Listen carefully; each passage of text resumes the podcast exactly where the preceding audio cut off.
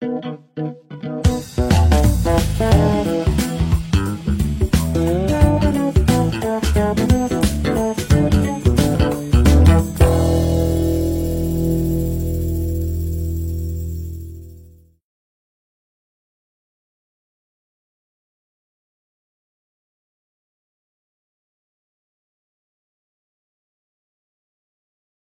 أنت مشيت كتير قوي في مشروع الدكتور الله يرحمه الدكتور جمال أمين. هو كان راجل كان واسع الثقافة واسع الأفق واسع التجربة يعني والخبرة لأن هو يعني إضافة لدراسته في مصر وتدريسه في مصر تدريسه في الدول العربية وبعد كده حصوله على أو قبلها يعني حصوله على الماستر والدكتوراه من بريطانيا وبعد كده العمل في الولايات المتحدة الأمريكية وبعد كده رجوع لمصر. وطبعا زي ما انت ذكرت في الأول من عيلة مثقفة والده الأستاذ أحمد أمين. وبعد كده مرور بتجربة بقى وجود والده في أيام الملكية مرور بشبابه أيام ال- الحقبة بين لأنه اتولد سنة 35 فقضى طفولته في أيام ال- ما يسمى بالملكية المصرية لحد ما آه، عاش شبابه وعاش الحلم الناصري. في الوقت ده وبعد كده طبعا هو عدى بقى فترة الرئيس السادات والرئيس مبارك وخمسة وعشرين يناير الثورة أو ما يسمى بالثورة أو حراك الربيع العربي خمسة وعشرين يناير. فالراجل يعني بصراحة كان يعني ذو تجربة حياتية كبيرة وأنا حتى كتابه ماذا علمتنا الحياة. كتاب رائع جدا جدا يعني. ومن آه من آه طبعا هو يعني هو طبعا أستاذ اقتصاد يعني لا غبار عليه. وتفسيره للحالة الاقتصادية المصرية كان رائع. أنا في شوية points كده معينة. أنا أول point مثلا خدتها طبعا هو كان بي يعني هو درس أو أو لاحظ التغير الاجتماعي المصري اللي جوه المجتمع المصري. وممكن بعد كده يعني ممكن يعني طبعا في اختلافات طبعا من كل دولة ودولة عربية يعني ما نقدرش نقول السعودية زي المغرب زي مصر. بس في تاريخ مشترك لغة مشتركة دين مشترك إلى حد ما بس ما نقدرش نطبق النموذج المصري على السوري أو المغربي أو السعودي أو السوداني أو لأن طبعا مجتمعات مختلفة بس لا هو طبعا اختص بالنموذج المصري بالتحديد. فهو ممكن آه، مثلا اتكلم مثلا مصريين لا شعب ما كانش شعب هجرة مجتمع زراعي عايش على ضفتي النيل بيزرع ويقلع في أرضه وبما إنه مجتمع مزارع فالمجتمع الزراعي نوعا ما بي بيحتاج تعاون أفراد. وفي حدود طبيعية بتحميه whatever الصحراء البحر أو whatever. آه، المصريين ما هاجروش يعني آه، إلا بعد 67 النسبة الأكبر طبعا. كان زي ما أنت زي ما هو ذكر الدكتور جمال جلال أمين وأنت ذكرت طبعا في المقدمة بتاعتك إن كان في أه في مصريين هاجروا بدري. يعني في مصريين هاجروا بلاد أوروبا وكندا وأمريكا وغيرها. من قبل حتى 67 بس طبعا دول هاج- هاجروا هاجروا كانت كفاءات متخصصة للغاية يعني. ما لقوش فرصة إن هم يقدموا يعني ما لقوش فرصة تعليم كفاية في مصر فهاجروا يعني.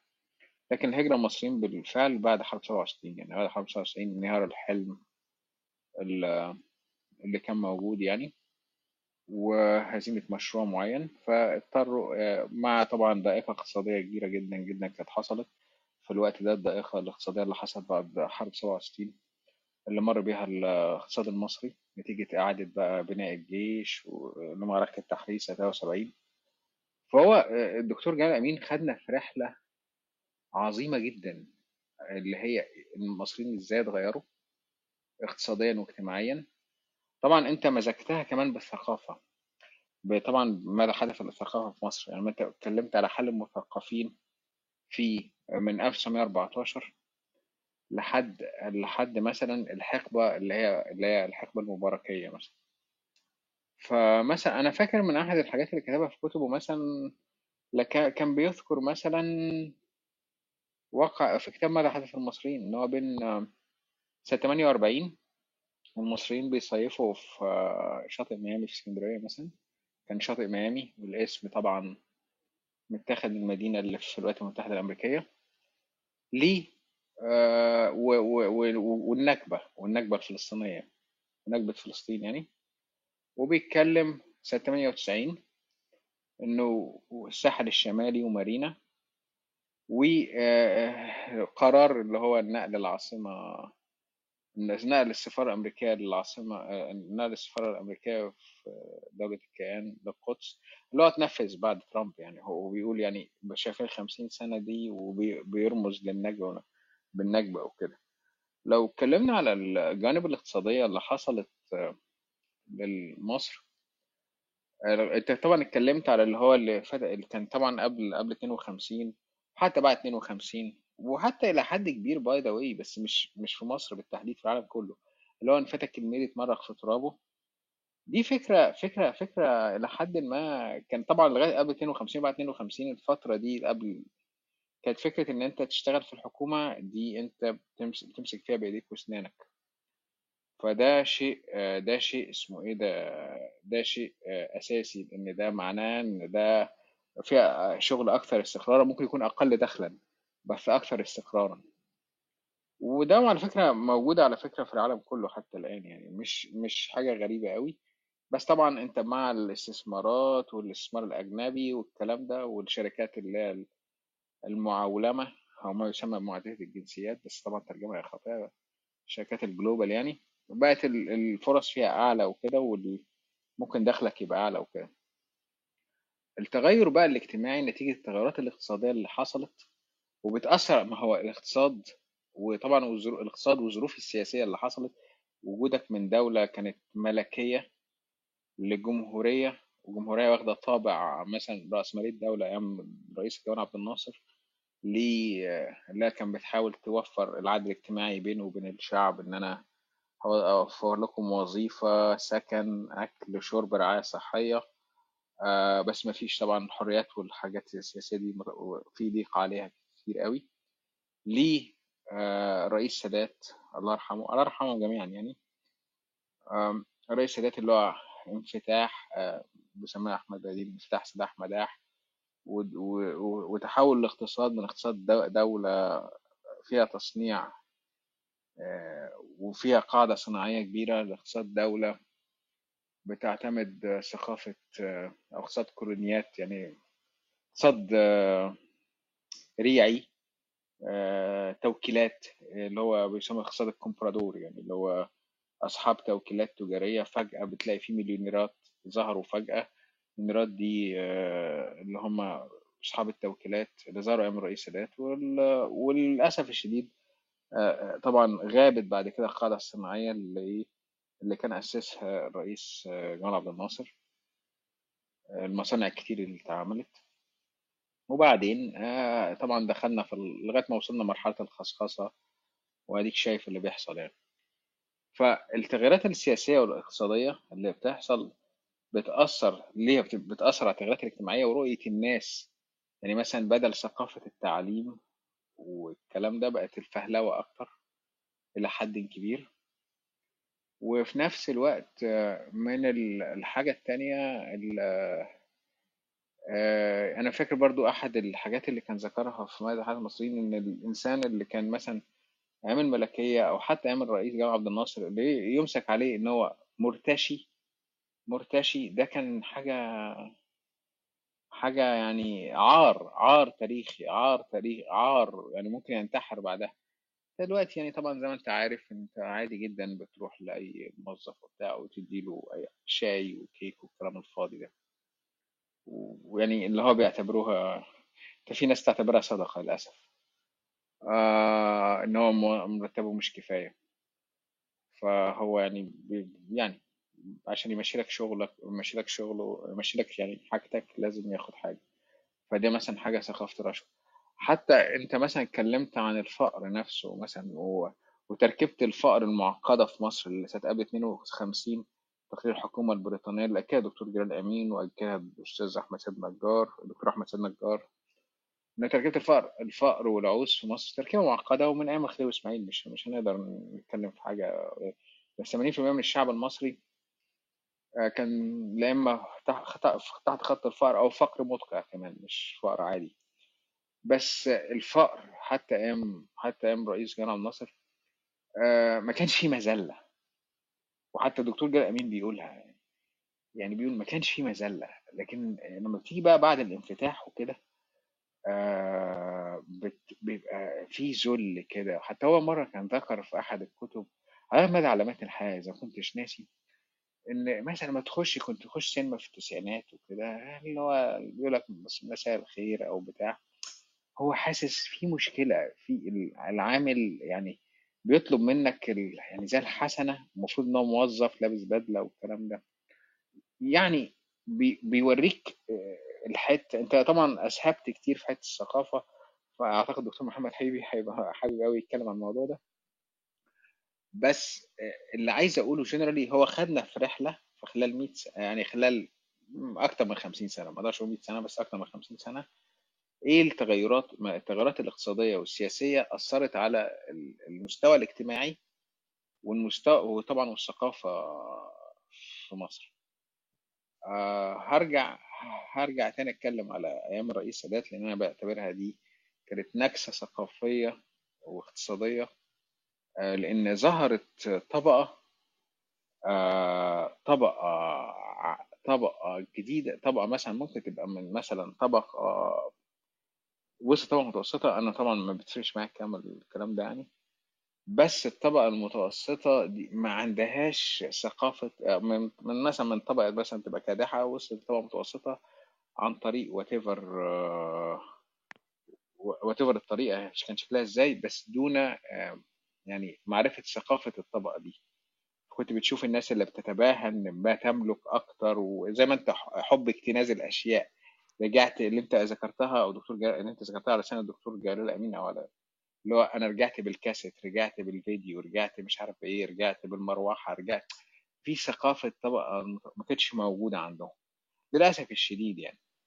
فده كله التغيرات اللي حصلت في المجتمع المصري خلال الفترة دي دي التغيرات الاقتصادية والسياسية اللي حصلت أثرت على الحالة الاجتماعية والحالة الثقافية. أنا مش هستوعب أكتر من كده وزي ما أنت قلت يعني لا بصراحة بس مجهود رائع منك اسلام إن أنت خضت في مشروع الدكتور جلال أمين كامله يعني. شكرا جدا ليك. آه، اتفضل يا دكتور محمد. أو نوي اللي عايز يبدأ يعني. أنا أنا حابب مستمع ليك. لا دكتور محمد مقدم طبعا. ده يعني ضيف عزيز. اتفضل يا دكتور محمد وكلم بعد حضرتك أو بعد الدكتور تيمور. لا أنا ما ما عنديش حاجة أضيفها. أنا بس بشكر الحال الاستاذ اسلام على العرض الجميل جدا. وإنه ال- الرصد ده من خلال الدكتور جلال أمين الحقيقة مهم جدا والكتاب موجود آه، بتاع ماذا حدث للمصريين آه، ورصد لمرحلة نصف قرن من 45 إلى 95 ويمكن أنا في السن بيسمح لي إن أنا أكون عايشت الف- المرحلتين فترة ما قبل فترة الستينات وكنت صبي يعني واعي وبعدين لغاية ما إحنا موجودين دلوقتي. آه، أنا أنا عايز عندي انالوجي كده مهم بحطه في ذهني. أنت عارف بشبه فترة ما قبل السبعينات دي إلى إن المصريين كانوا طالعين السلم بهمة ونشاط لبلوغ القمة. وصلوا تقريبا الوسط وسط السلم لغاية ما جالهم الراجل قال لهم لا لا لا تعالوا تعالوا انزلوا تاني هطلعكم في أسانسير. نزلوا تاني فقدوا الهمة ركبوا الأسانسير لقوا نفسهم في القمة بالراحة ففقدوا ال ال ال الحمية والشعور بالإنجاز الحقيقة. رصد للحاله دي بقى الدكتور جلال أمين في آه، عدة فصول في كتاب ماذا حدث للمصريين في الخمسين سنة فتحدث عن ال- الهجرة والسيارة الخاصة وأفراح الأنجال اللي كانت بتعمل في البيت على سطح البيت أو بره البيت في الأرياف أو أو آه، حسب ال- ال- الوسط الاجتماعي. ال- ال- ال- ال- الطبقة الوسطى كانت آه، نمت باستعراض يعني بشكل أفقي في المجتمع المصري في فترة الستينات ووصلت للسبعينات حتى جاءت فترة الانفتاح أو الانتكاسة اللي بسميها وسماها الحقيقة أحمد بهاء الدين الله يرحمه ب- ب- ده لقب آه، انفتاح السداح مداح آه، تحدث أيضا عن الموسيقى والغناء واللي حصل فيهم والتغير والمستوى اللي إحنا واصلينه لغاية دلوقتي السينما طبعا تحدث عنها. تحدث أيضا أعتقد عن آه، الاقتصاد والاقتصاديين في مصر. فموجود جدا بشكل فيه اسهاب وتحليل جميل الدكتور جلال أمين. واضح جدا. طب أنا ممكن ممكن اتناقش مع حضرتك شوية يا دكتور محمد؟ اتفضل اتفضل. طيب آه، حضرتك عارف إن أنا بالنسبة لي أنا بالنسبة لي أنا كشخص مش مش مش شغل أكاديمي هو شغل ليه علاقة بالبني آدم. أنا بحس إن أكبر أنواع المعرفة اللي ممكن تلقطها هي الحاجة اللي متعلقه بالمباشر بالملاحظة إن حضرتك تكون شفت الحاجة. دكتور جلال أمين بحس إن هو بياخدني من إيدي كده يقول لي تعالى بص يا حبيبي هو ده اسمه كذا إحنا كنا بنشوف كده. أنا بحس في طريقته إن هو كأنه بيشرح لل... مش لأطفال ما أقصدش بس قصدي إن هو بيبسط المعلومة قوي فحضرتك وأنت بتتكلم على الحاجات اللي أنت شفتها أظن ما فيش حد ممكن يحكي اللي حصل للمصريين إزاي غير في حد شاف اللي حصل للمصريين خصوصا لو حد بعد شوية. يعني أعتقد ما أعرفش إذا كان حضرتك كنت موجود في الفترة دي كلها في مصر ولا كنت بتروح على شكل متقطع؟ ان كنت- إن, إن الملاحظه أنا كنت موجود في مصر طبعا طبعا. موجود في مصر في مصر الحقيقة في بشكل فعلي في في آه، منتصف التسعينات وبعدين رجعت مصر آه، في آه، 2000 وقعدت ثلاث سنين وبعدين خرجت من مصر 2003 ما رجعتش تاني. آه، ولو ان حاليا بكلمك من مصر بالمناسبة يعني. الحمد لله السلامه يا دكتور. وأنت بتسألني خلي بالك إن أنا في مصر. اتفضل. لا لا خالص أنا مش هسألك في أي حاجة. أنا واخد بالي جدا ما تقلقش. أنا واخد بالي إن أنا حتى من مصر في قلبي يا دكتور. أنا بس في الأول حابب أذكر اسلام جدا لا. على الشرح. اتفضل يا أحمد. لا لا آه، لا لا أنا كنت عايز أقول لحضرتك حاجة يا دكتور محمد. كان حتى فترة الخمسينات والستينات أثناء فترة يعني القاعدة الصناعية طبعا مع اختلافنا مع دكتور رئيس يعني ممكن بعض الناس تختلف على أساس رئيس جامعه عبد الناصر دي مش مشكلتي خالص دلوقتي. بس كان في إعلاء من قيمة العمل والعامل.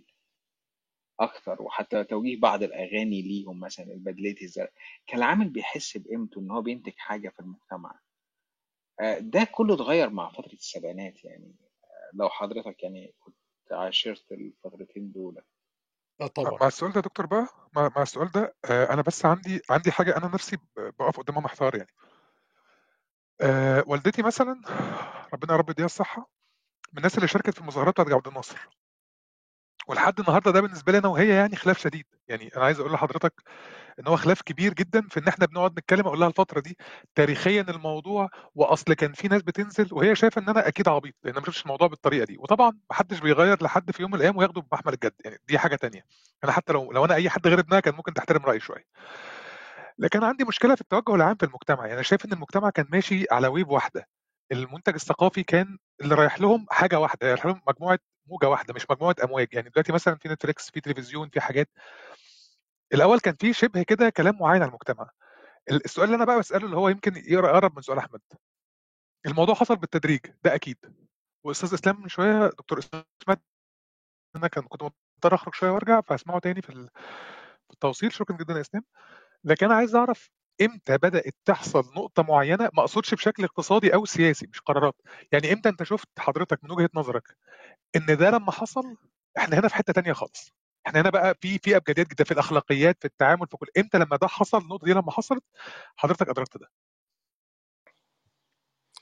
خليني أقول لك مثلا إنه إنه في فترة السبعينات لو إحنا في الجامعة وبداية ال- الانفتاح اللي كان لصاحبه بعد كده زيارة القدس المعادة وتجيش الإعلام المصري لأعداد المصريين لمرحلة مقبلة.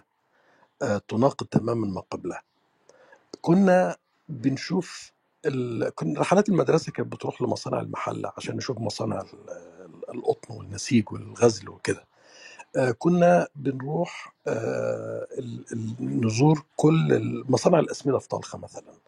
آه، كنا بنشوف المنتج المصري في بيتنا كله مصري. من خبز بيخبز في البيت قمح بيطحن في البلد. المشروب الغازي حتى بتاعنا السيكولا وال والبتاع ده حاجة اسمها Spiro Spathis وس- ومش عارف إيه cider كده الدبانة. كنا م... كنا مبسوطين وراضيين. كنا في تطور إحنا بنعمله بإيدينا. كانت الأرض بتتزرع والقمح بيدرس. وكنا بنشم روائح الحاجات دي كل حاجة كانت في الغالب مصرية. كنا ما كناش بنشوف منتج مغلف بشكل مختلف لغاية ما جت فترة السبعينات. شفنا الاستيراد شفنا ثلاث مشروبات جايين بيبرزوا المنتج اللي كان بينتج في طنطا اللي هو سيكولا ده. ولقينا Spiro Spathis لقينا اسمه Canada Dry لقينا 7 Up لقينا البيبسي لاحقا آه، تم والكوكا لاحقا. طب طب بس بس أنا آسف أنا هقطعك كتير لأن أنا فعلا محتاج أفهم ده لا بشكل شخصي. لو أنت بتحب تسترسل ممكن بس أنا فعلا محتاج أفهم ده. أنتوا كلكم كنتوا بتاكلوا نفس الحاجة وبتشربوا آه. نفس الحاجة ايا كان درجة فلوسكم؟ يعني آه. غني فقير كي- مفيش حاجات كله موجودة أصلا؟ كله. أقول لك على حاجة كان شاي تموين واحد اسمه ياقوت أو آه، مبروكة أو ما أعرفش جارية حاجة زي كده وكان طعمه جميل وحلو. بناكل البيض بتاعنا وبناكل العسل والطحينة وبناكل اللحمة بتاعتنا وبناكل كل ما هو منتج. ما كناش كنا بنحشي الكنافة في رمضان ها كنا بنحشيها بالزبيب وبال وبالفول السوداني. لما جت الانفتاح وكنا بيظهر في مكسرات آه كانت موجودة بس كانت بشكل يعني مش كل المصريين. كنا لنا كده lifestyle أو أو نسق حياة واحد يكاد يكون واحد. أنا عايز أقول حاجة بقى. لما جت الحكاية دي وأنا آه يعني حضرتك بقى إيه لما ت- يعني جت لي رسالة جميلة آه صديق من طلخة بيقول لي تنور طلخة علشان ذك- ذكرت مصنع السماد أنا نفسي أسمع منه الحقيقة نفسي يطلع ويتكلم. طيب أستاذ نوي مصر التعليم على سبيل المثال كان جاد جدا كان كل مدرس وقور بي مش بيعلم مادة فقط مادة علمية بيعلم قيم. انت كنت بتلقى المدرس في القرية أو في المدينة بتبقى سلوكك بيختلف. انت بعد كده ظهرت في فترة السبعينات المدارس الخاصة. أصبح دلوقتي ظهر عندك شريحة اجتماعية. لم تكن تنتسب إلى الطبقة المتوسطة في ذلك الوقت ولكنها طرأت اللي وصفها جلال أمين وأرادت أن تحاكي الطبقة المتوسطة فيما مضى أو الطبقة اللي هي العليا. ليه؟ مش علشان تحدث آه، تغيير نوعي في مستوى ال- الوعي عند أبنائها؟ لا لكي تحاكي فقط. وسماها صديقنا لنا الدكتور فارس له حاجة اسمها الثأرات الاجتماعية. حب حبت هذه الطبقة اللي أنا سميها الطفيلية التي طرأت أن تثأر اجتماعيا من ماضيها أو ممن كانوا يسبقونها في الطبقة الاجتماعية. أصبح هناك دلوقتي عالم الفهلوة. أحمد ذكر حاجة اللي بيدي؟ الفقر فكرني بظاهرة الفقر الكوبي اللي راحت فيه ستة من عندنا هنا في جامعة من الجامعات وراحت تزور كوبا ورجعت قالت إنه رأيت فقراء ولكن بعزة. هذا الفقر بعزة وكرامة لم يعد موجودا الآن. أنت دلوقتي لما تمشي في شوارع القاهرة وبتشوف راجل موظف أو أنت بتزعل أنت بتشعر بإنك وأنت شفت بقى ده ما كانش موجود. ده. ده المفروض إن هو بياخد مرتب بيرضيه أو بيكفيه نفسه وبيكفيه حاله. لا الراجل دلوقتي بيتسول في الشارع وهو موظف. حاجات كتير ما أقدرش احكيها لك. آه إيه تاني غير التربية اللي أنا شفتها في المدارس وغير. ظاهرة الاستهلاك بقى؟ حضرتك عارف حضرتك عارف إن إحنا أيام المدارس كنا بنتريق لأن هم كانوا دايما مدرسين زمان كانوا بيتكلموا يقول لك اسمها وزارة التربية قبل التعليم عشان التربية قبل التعليم. على الجيل بتاعي أنا دي كانت تريقة. كانت نكتة مش مش جد يعني. يعني ما كان يعني واضح إن أنت بتتكلم على حاجة حقيقية وبعد كده الموضوع بدأ يتغير لأن هو على ما وصل لي أنا أنا بتكلم على الجيل بتاعي ما كانش فيه ما كانش فيه الكلام ده. لأ إحنا كنا بناخدها إن هي تريقة إن هي نكتة اسمها التربية قبل التعليم طب ربنا يوفقك. يعني ما فيش عمر ما ف... يعني شفت مدرسين بيزرعوا قيم بس عن طريق الكلام لكن إن هو يكون غرضه الأساسي إن هو يزرع جواه قيمة يعني يمكن شفت حد أو اتنين مش سلوك عام.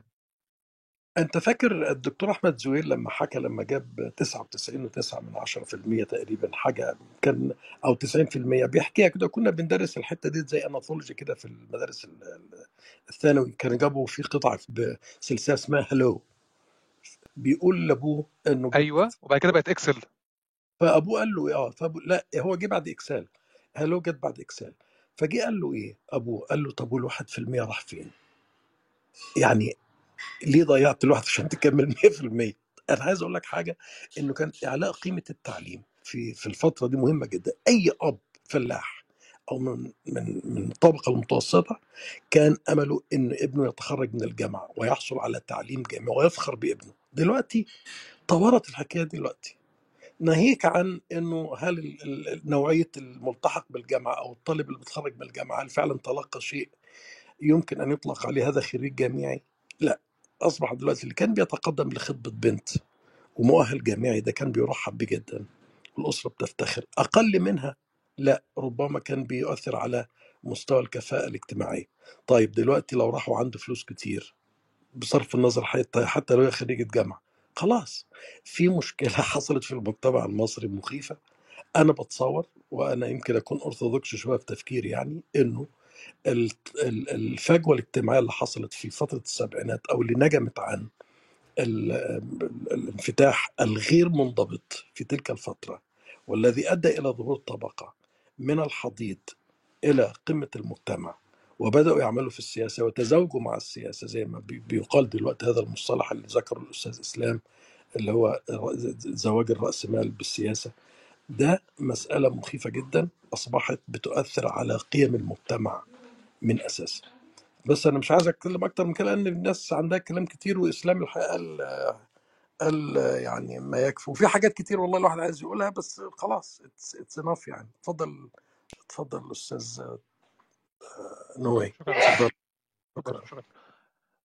أنا هقول اللي أنا اللي أنا شايفه أنا من ناحيتي أنا أنا أنا جلال أمين آه، بالنسبة لي هو تجربة كبيرة جدا جدا. آه، كلام إسلام عليه كان كلام محترم جدا.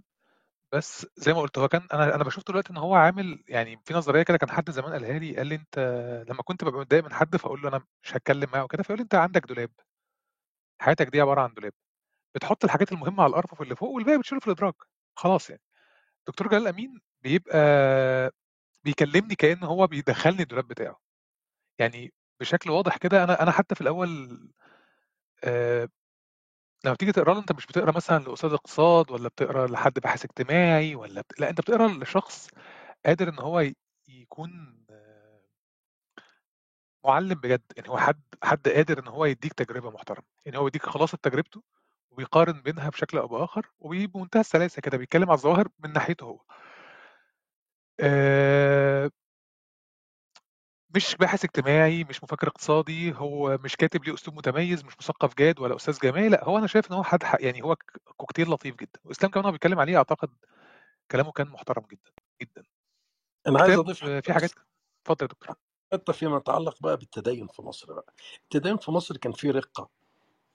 أيوه وكنا بنقعد أيوه نسمع والمشايخ والمشايخ كانوا عادي جدا الموضوع الحجاب ده ما كانش يعني ما كان كان مهم إن الشخص يكون بيصلي أو ما بيصليش دي حاجة تخص يعني ال- الدنيا كانت مختلفة آه. تماما الدين غير الدين اللي إحنا نشوفه ده الرقة طبعا الرقة والعيب والحرام والحلال وكنا آه، نفسنا بتألف هذا الكلام. أصبح الدين فيه فظاظة وغلظة. لما فوجئنا فيه بيبقى فيه عارف طريقة ال- الشخط وتجريد الدين من المعنى الجميل.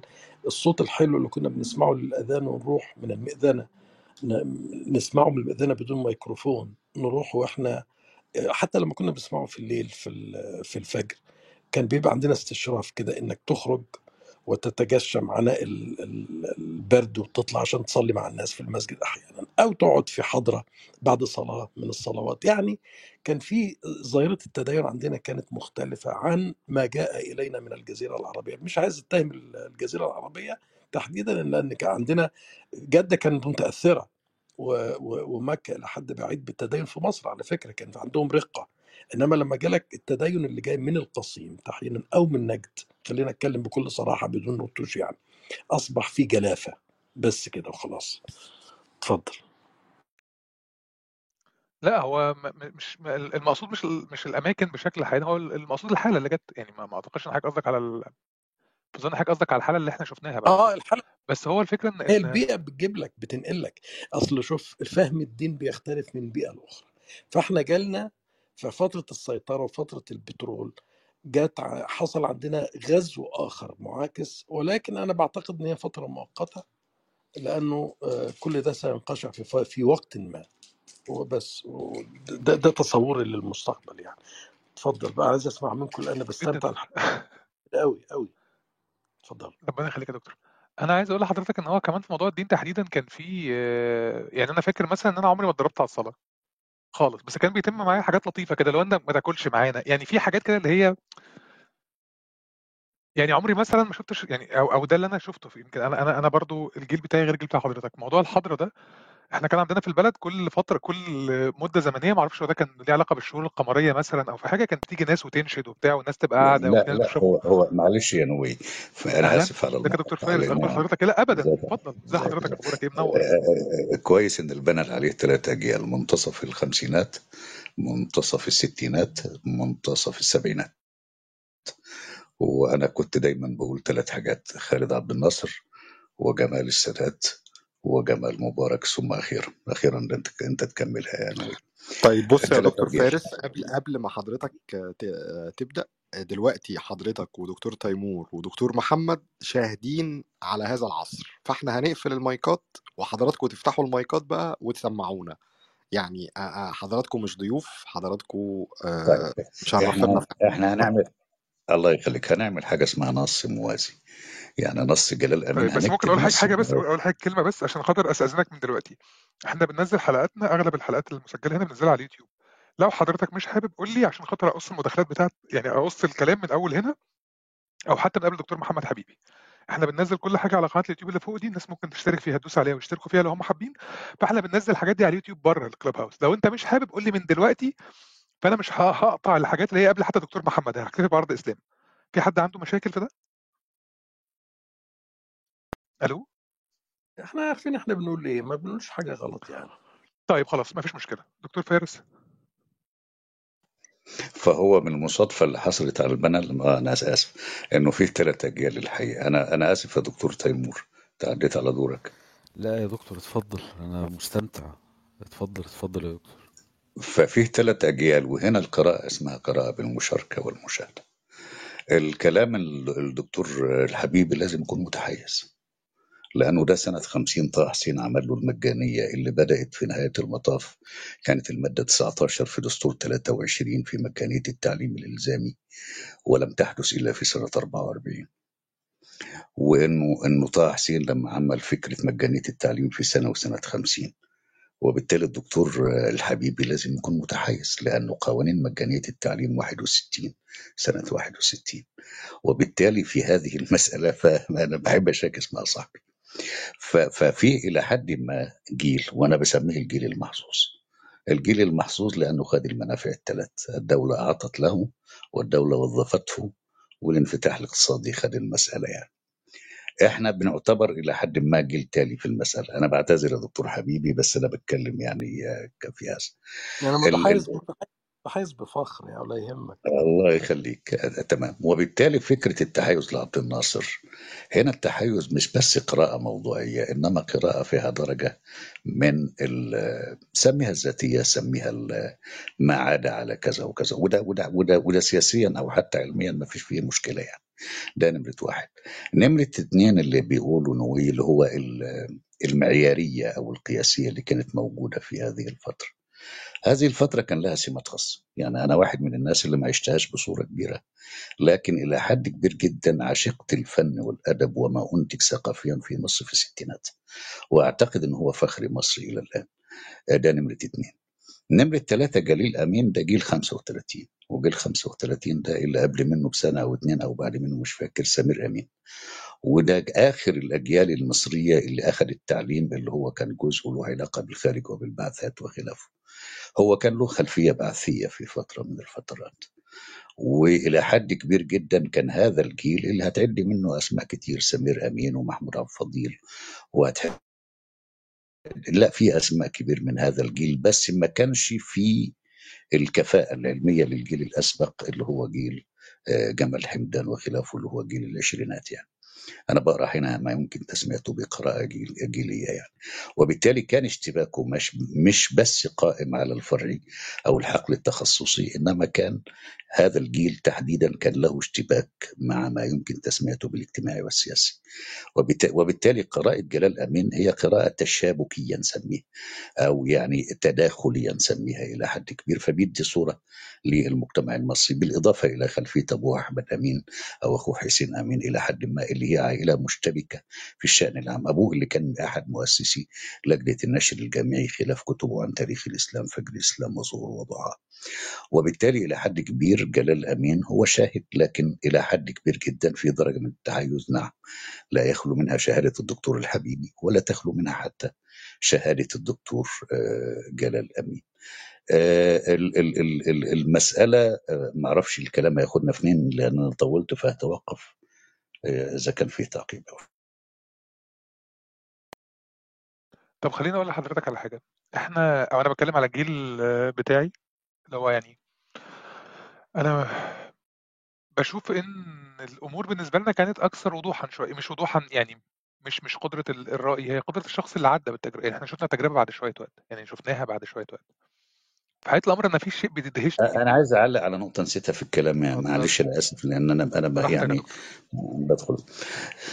كان فيه نص موازي أيام عبد الناصر إن هو كان فيه تشجيع للتيار الصوفي واللي بيأرخوا لهذه المسألة لفكرة المقامات في مصر أو التوسع الصوفي في هذه الفترة كان نص موازي. حسين الشافعي كان مسك وزيره الاوقاف في فترة من الفترات لكن كان فيه تسامح في اتساع للنص الصوفي أو للخطاب الصوفي في هذه الفترة إلى حد ما.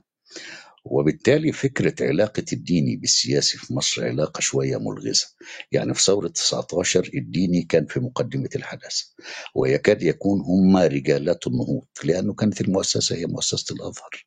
أما تشوف البعثات أما تشوف مثلا مدرسة المهندس خانة وأما تشوف مثلا القصر العيني ما هو البعثات في الأزهر فيها. وبالتالي كانوا هم رجالات النهوض أو رجالات النهضة المصرية إلى حد كبير الفترة بتاعت الستينات كانت فترة فيها تمدد للناحية الصوفية إلى حد كبير جدا. لكن عبد الناصر وللأمانة التاريخية في خطابه في 69 في المنصورة قال الناس عايزين يروحوا لربنا وأنا معهم لأنه حصلت أزمة في كتابة الميثاق في سنة 62 إنه الميثاق كان خطاب بيخاطب به الواقع المصري واحد نمرة اتنين كان بيخاطب به الروس لأنه خلاص كان قفل العلاقة مع الأمريكان بدا من 61 وحركة التأمين وبالتالي لحد ما حصل خلاف في لجان كتابة الميثاق وهو نص مؤسس في مصر ومهم في هذه المسألة. حل هذا الاشتباك حد كان اسمه الدكتور يحيى هويدي كان أستاذ فلسفة وهو عم أمين هويدي واخوه سوري عم فهمي هويدي واخوه أمين هويدي اللي كان في السلطة. وقال مش مش المثال مش ألو... مش مش مش الماديه ال- المهم يعني قال مذهب كده قال المثالية الواقعية اللي كنت لأنه كان في خلاف إنه هل الميثاق ينص على الماركسية صراحة ولا خلافه خاصة في ديكتاتورية البولتريا اللي أتى منها 50% عمال وفلاحين وبالتالي إلى حد كبير جدا هنا بنتعلم في التاريخ إنه في ميدان الشخصية المصرية إنه ما تملش شوية المصريين بطبيعتهم ده رأيي. تختلف وتتفقوا بطبيعة التدين في مصر هو تدين نهري مش تدين صحراوي تاريخيا. وهذا الحس الديني أو الصوفي لدى المصريين يتعدى حتى فكرة الإسلام والمسيحية وما قبلها. وبالتالي هذا الحس الصوفي إلى حد ما استنهضه عبد الناصر في فترة الستينات وطبيعة التدين النهري لدى المصريين. اللي حصلت في المسألة إنه مع دخول السادات السادات ما جابش الإخوان أمان. السادات في البداية إدى اتساع للجمعيات الشرعية الجمعية الشرعيه للسنة والجماعة والجمعية الشرعية. على اعتبار إلى حد كبير جدا كان فيه جرح نفسي حصل بعد 67 وبالتالي كان الخطاب هنا حتى هيكل كتب هذا الكلام الخطاب هنا كان فكرة التئام لأنه كانت المسألة آه، آه، في فترة من الفترات كان فيه أزمات نفسية إلى حد كبير ولجأ إليها عبد الناصر في هذا الشأن حتى عبد الناصر نفسه حصل تغير فيما يمكن تسميته بسلوكه الديني إلى حد كبير. راح حج وبتاع وصلح مع فيصل لما حصلت في 67 والقرشين اللي إحنا خدناهم في فترة من الفترات. وبالتالي إلى ممكن حد كبير جدا. ممكن تعلق تعليق سريع على الحتة دي تحديدا دكتور فارس بعد إذنك. ممكن؟ تسمح لي. اتفضل دكتور. اتفضل أنا ليا اجتهاد خاص كده بال- بالمساله التدين ده. أنا بعتقد إن أمير المؤمنين بتاع السعودية في ذلك الوقت اللي أنت قلت اسمه دلوقتي ده هو اللي طلب من السادات إنه خلاص بقى افتح الباب خد الجماعة دول لأنه كان في نيته وإخوانه. لأن أبوهم كان حذرهم منهم قال لهم أخشى عليكم من هؤلاء بعد لقائه مع حسن البنا. فوجد أن هو هذا هو الوقت الآن بعد مو بعد موت ناصر. والآن الجو أن أن يتخلص من هؤلاء بطريق بطريقة فيها شياكة. فقال له خدهم بقى وافتح لهم الباب. وفتح لهم الباب وكان ما كان وما وكان ما وصلنا إليه الآن. لا ده ما تنساش الخلاف ما تنساش الخلاف بين فيصل وعبد الناصر في 64 لما فيصل شال أخوه سعود وسعود جه قعد في مصر فترة من نعم. الفترات. وبالتالي التنازع اللي كان قائم على ايديولوجيتين في الوطن العربي. الأيديولوجيا ايديولوجيا بتغرب في ذلك الوقت وهي القومية العربية وعبد الناصر كان بيسابق البعثيين في ذلك لأنه المد ال- ال- ال- ال- الماركسي في الوطن العربي اشتد. حتى في يعني في اليمن الجنوبي في سوريا آه، خالد بكداش في العراق عبد الكريم قاسم وما بعده. وبالتالي كان ودي فترة على فكرة يعني في بعد الحرب العالمية ال- ال- الروس خدوا لهم لغايه 68 يعني بعد ربيع براغ المسألة بقى فيها كلام شوية وبعد قدوم خرشوف ثم ال- المشهد الدولي مصر شديدة التأثر بالإقليم وشديدة التأثر بالعلاقات الدولية. اللي حصل في هذه الفترة إنه السادات كان بيناور بهذا التيار عايز ياكل منه عيش من الآخر. في نهاية المطاف. ال ال ال ال ال ال ثم المتوالية حصلت في إنه نمط التدين المصري إن كان ثمة نمط تدين مصر إلى حد ما حصل فيه درجة من الاختلال. السعودية كانت بتمثل بتميل الجماعات في مصر والسعودية كانت ترسل عملت حاجة اسمها رابطة العالم الإسلامي بديلا للأزهر وكانت بتنصر مطبوعات لعمق الريف المصري في هذه الفترة. وبالتالي إلى حد كبير البترول كان له أثر في المسألة بصورة كبيرة. لما أقول لحضرتك إنه دخل السعودية كان في سنة 72 4 مليار سنة 76 يصبح 46 مليار دولار. واخد بال سعادتك لما أقول لحضرتك انه مصر دخلها اعلى معدل نمو في الاقتصاد المصري اخذناه من سنه 76 لسنه 80 13% سنه 76 اللي هي قوه عمل المصريين في الخارج وبالتالي إلى حد ما ال- ال- المشاكل أو ال ال ال ال ال ال ال ال القراءات هنا لازم تكون إلى حد ما تشابكيه أو متداخله في حاجات كتير يعني السادات لجا لهذه اللعبه لأنه الامريكان كان له هوى واتفاقيه معروفه اسمها اتفاقيه سفاري كان بيت فيصل وخلافه انه إنه فكرة إنه ال- ال- المد الماركسي في هذه المنطقة ومحاسبه محاربة الماركسية في فترة من الفترات. السادات كان جاي. هل السادات؟ السؤال بقى الأساسي عشان بس لأن أنا طولت. إنه السادات إلى حد كبير جدا. السادات ما قابل جونسون سنة 63 وعبد الناصر كان بيحل بالسادات في وجهة نظري في تحليل الشخصي إلى حد كبير. وبالتالي تحول أنماط التدين الأنماط الخمسة ال- نمط التدين والنمط الثقافي والسياسي والاقتصادي والاجتماعي اللي هي انتقال السادات من يسار الدولة إلى يمين الدولة إلى حد ما ده عمل آه، دربكة كبيرة في مصر. أنا آسف على الإطالة. لا بس أنا عايز أستاذن دكتور محمد. دكتور محمد ممكن بس أنقل حاجة كده كانت بيني وبينك في ال back channel؟ اتفضل. حاجة بسيطة كده. طب دكتور محمد حبيبي كل ما تطلع تتكلم بيقول لي إدي دكتور فارس المجال في كل room بخشها. أي room حضرتك بتطلع فيها يقول لي الراجل ده بيقول درر بس سيبوه يتكلم. فأنا هبقى فرحان جدا إن أنتوا الاثنين بتتناقشوا جدا. بس أنا عندي مشكلة إن إحنا أنا بتكلم على الجيل ما بتاعنا أقدرش شايف مجموعة ما أقدرش عليه يا نووي ما أقدرش لا عليه يا دكتور أنا لا لا ما بحب تقولش كده. لا لا لا لا لا. الموضوع مش علاقة هو بالحب له بحب علاقة بال... الله يخليك يا دكتور محمد أنت أستاذنا. ربنا يخليك ربنا يكرمك يا رب. أنا بيكون بس عندي أنا عندي عندي طب تساؤل عندي تساؤل يا هو دكتور يعني. يا دكتور اتفضل اتفضل نووي. أنا بس عندي حاجة هقولها وبعد كده ه- ه- هفهم بس الدكتور فارس فراس ودكتور محمد إحنا مشكلتنا إيه. أنا مشكلتي أنا الشخصيه وأعتقد دي ممكن تبقى مشكلتي مع يعني بنتي أو حفيدتي أو أو يعني في أجيال تانية إن هي بتشوف الأخطاء اللي أنا مقتنع دلوقتي إن هي أخطاء. يعني مثلا لما بتيجي تكلمني على حد يجي حد يكلمني على الثورة وقال لي حصل كذا كذا كذا كذا كذا كذا هبقى بجادله بس من جوايا عايز أقنعه إن إحنا كنا صح. فأنا مشكلتي أنا آسف جدا في اللي بقوله ده يعني أتمنى تفهم بشكل صحيح. إن ساعات بحس إن الجيل ده سواء جلال أمين أو أو الناس اللي بتحكي عن التجربة دي هو ما بيدافعش عن التجربة هو بيدافع عن نفسه. فلما بيقعد يكلمني طول الوقت على حاجات ويقنعني إن هي كانت صح أو غلط. لا هي ما كانتش صح ولا غلط. أنت بتتكلم عن نفسك. أنا عايز أتكلم عن التجربة نفسها. تجربة التدين اللي كانت حاصلة في مصر والحاجات اللي كانت حاصلة في مصر ما كانتش أفضل حاجة بس هي كانت بالنسبة للشخص اللي كان عايشها كانت أفضل حاجة. منطقي لأن أنت ده تاريخك أنت الشخصي. فموضوع التدين مثلا تحديدا يعني لأن هو ده بيفتح أبواب كتيرة جدا جدا من الكلام. في تغيرات كتيرة حصلت بس الشعب نفسه كان مستعد لده. يعني الشعب نفسه كان مستعد لده وكان حابب ده حابب فكرة الحجاب والالتزام الشديد وإن الناس ما تتكلمش وإن ده ما يحصلش. وفي مناطق تانية كانت رافضة بدليل إن الصعيد والأرياف في مناطق كتيرة جواها ما دخلهاش التيار ده. التيار اللي الدكتور محمد حبيبي بيتكلم عليه ما دخلش ما راحش هناك أصلا. يعني ما راحش هناك ما سافرش لحد هناك. لما بيكون في حد متشدد قوي أو أو كان بي- بيتكلم على الدين بشكل أو برؤيته الخاصة كان غالبا الناس بتديله على دماغه. لكن القاهرة بحكم إن هي ما عندهاش هوية واحدة ينفع يتبني عليها هي مجموعة هويات ومجموعة أشياء مختلفة كانت متقبلة ده جدا. فانا آسف يمكن رؤيتي غلط برضو بس اللي أنا عايز حضرتك وأنت بتشرحه لي حاول تشرح لي كده كأن كأن حضرتك بتتكلم. يعني أنا آسف جدا في التعبير بس عيل صغير مش عيل صغير لأن ما أقصدش عيل صغير في السن ولا في الوعي بس عيل صغير مش شايف اللي أنت شايفه.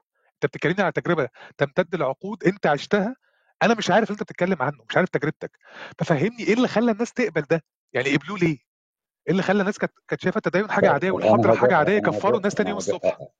هجاوب على سؤالك ومن أروع ما سمعته في هذه الغرفة اللي قالوا آه، اللي هو بتاع كحرته كتاب الكحرتة ده اسمه إيه؟ العصاميه والجربعه تاريخ العصامية نعيم. مش من العصاميه. والجربعه أيوه من أروع اللي قاله نعيم في هذه الفترة وأنا حتى رجعت على اعتبار أشوف نمو الاقتصاد المصري نمو الاقتصاد المصري في سنة 68 كان زيرو. وبالتالي في كارثة في نموه بعد 67 هنا حصل ما يمكن تسميته بالطبقات الوسطى في المجتمع المصري. اللي هي اللي هي بيسموها وجهاء الريف اللي هي جزء من الطبقة المتوسطة في داخل المدينة المصرية. إنه بدأ حلمها السلم اللي قاله الدكتور محمد حبيبي بدأ حلمها ينكسر إلى حد كبير جدا. وبالتالي وجدت في حالة التدين حالة من حالات السلوى. وهو هنا التدين مش يعني هو مش أنا مش شايفه إن هو بالمعنى الطقسي إنما هو بالمعنى يعني مش شايفه بالمعنى الحقيقي. إنما بمعنى هو الحماية الاجتماعية يا دكتور؟ يعني بمعنى الحماية الاجتماعية أنا شايف إن هو كان حماية حماية للناس هو الموضوع مش علاقة بربنا خالص يعني خرج لا الموضوع هو بره الدين الموضوع علاقة إنك أنت بتحمي نفسك بتبني سور. أيوه يعني أنا بسميه خطاب اجتماعي ما هوش خطاب ديني ما كانش حقيقي في نهاية المطاف. يعني ده يبقى أربح يعني ده يبقى له عائليته أعلى في هذه الفترة. فهذا النوع من التدين اللي هم البتاع بيسموه التدين ال- يعني التدين التجاري حتى تسميته حتى في الاصطلاح عند أهل ال- اللي هو التدين التجاري. إنه ده إلى حد ما هيعمل ضبطية أكتر في نهاية المطاف. لكن هو ما كانش بيتمثل مع فكرة التدين الحقيقي في نهاية المطاف. التدين الحقيقي اللي هو صوفي كان رسوخه رسوخه في الريف المصري. إلى حد كبير. وكان مساحة براح ومساحة حرية ومساحة تسامح إلى حد كبير. النمط ده بدأ يع- يعلو وبدأت الدولة إلى حد ما تدعمه إحنا السادات استقبل سيف عبد القيوم. في المسألة ال- في, في, في, في مصر. والمانشيت بتاع الأخبار ما أعرفش كذا وكذا. اللي هو بتاع وكان بيجي نقابة الأطباء اللي من الجيل بتاعنا ده ويشوف اللي كان بيحصل في نقابة الأطباء في هذه الفترة. فالدولة دعمت هذا النوع إلى حد ما اللي هو ما يمكن تسميته بالتدين الشكلي. أنا آسف على المقاطعة وآخر كلام. لو سمحت ما شكرا. المقاطعة خالص؟ وخلي آه، ثواني يا أحمد أنا بس حابب إن إحنا النقاش يبقى بين الدكتور حبيبي ودكتور آه، فارس وأنت يا أحمد خش دخل كده بس أنا حابب أكتر نوسع. لا الدولة استغلت ده ولا وظفت ده ولا لقت حاجة جاية ف... ف... ف... فخلقتها؟ اتفضل يا أحمد. يا نو واي الموضوع معقد شوية ومتركب. لازم تبص على الظروف المحلية والإقليمية ما أنا والدولية. بسأل الظروف المحلية أهو. أنا بسأل الناس اللي كانوا في الحدث. بمعنى بمعنى جوه الظروف المحلية. يعني إحنا اتكلم أنا إسلام يعني اتكلم ودكتور فارس اتكلم وأنا قلت الحتة دي. يعني اقتصاد الدولة كان كله موجه لإعادة مش مش هقول إعادة إعمار إعادة بناء الجيش المصري. يعني أنت بتتكلم زي ما ذكر الدكتور فارس النمو الاقتصادي كان 0% سنة 68 فأنت بتتكلم مفيش فالمصريين بيهاجروا. طبعا مع هزيمة زي هزيمة 67 آه، يعني دي يعني لازم المناعة يعني المناعة الطبيعية بتبقى في الحاجات اللي زي كده. هزيمة مشروع كبير قومي كان يعني واخد أعظم معظم الدول العربية. إيه المناعة اللي موجودة؟ اللي بقى المناعة الدينية. خلاص بقى الموضوع ديني. الم- المناعة الدينية. طب دلوقتي الشعب هل الشعب كان بعيد عن الدين؟ لا ما كانش بعيد عن الدين بس بدأ اللي هو إيه تبدأ بقى تزيد الحركات الصوفية قوي يعني تزيد مثلا موجود موضوع اللي هو رؤية العذراء مثلا في كنيسة الزيتون دي والكلام ده وكان الترويج لحاجة زي كده. whatever بقى ده صح غلط دي مش مشكلتنا بس اديني بس هكمل بس هكمل هكمل بس. الفكرة العامة وجود رئيس رئيس المؤمن ودولة العلم والإيمان الرئيس سادات الله يرحمه ده فتح المجال شوية للحركة الإسلامية اللي كانت أسيرة شوية. آه، بأنواعها المختلفة من آه، جمعية أنصار السنة المحمدية زي ما ذكر الدكتور فارس في الأول اللي هم أصلا متأسسين قبل الإخوان المسلمين بعد كده إخوان المسلمين بعد كده بقى الجماعة الإسلامية و- وطبعا وجود بقى نتوءات بقى وحركات بقى في النص بتطلع زي شو يا دكتور؟ معلش ما حسيتش حضرتك. والجمعية الشرعية. جماعة شرعية آه. آه، وبعد كده طلوع بقى حركات بقى زي مثلا حركة الفنية العسكرية مثلا آه، تكفير والهجرة بتاعت شكري مصطفى أو الفنية العسكرية بتاعت صلاح سرية أو الكلام ده. الحركات دي كلها الإسلامية دي ظهرت نتيجة هزيمة 67 الظروف المح... الإقليمية كانت أو مع الدولية أصلا كان في حرب باردة بين مصر والسعودية يعني حرب الباردة العربية يعني وتجلت صراحة كبروكسي وور أكتر في اليمن يعني. حرب اليمن. ودي كانت يعني من أحد أسباب هزيمة الجيش في حرب 67 طبعا. أنت عندك نسبة كبيرة من قوتك كانت في اليمن. بتحارب في اليمن أوريدي النقطة الثالثة دلوقتي كانت ده في خضم أو البيك ال- ال- القمة بتاعت الحرب الباردة عالميا. إن أنت عايز توقف التيار اليساري اللي هو بين قوسين التقدمي اللي كان يعني مسيطر على الجامعة وبيتجلى الصراع ده أصلا في الجامعات المصرية يعني لا سيما جامعة القاهرة اسكندرية عين شمس كده.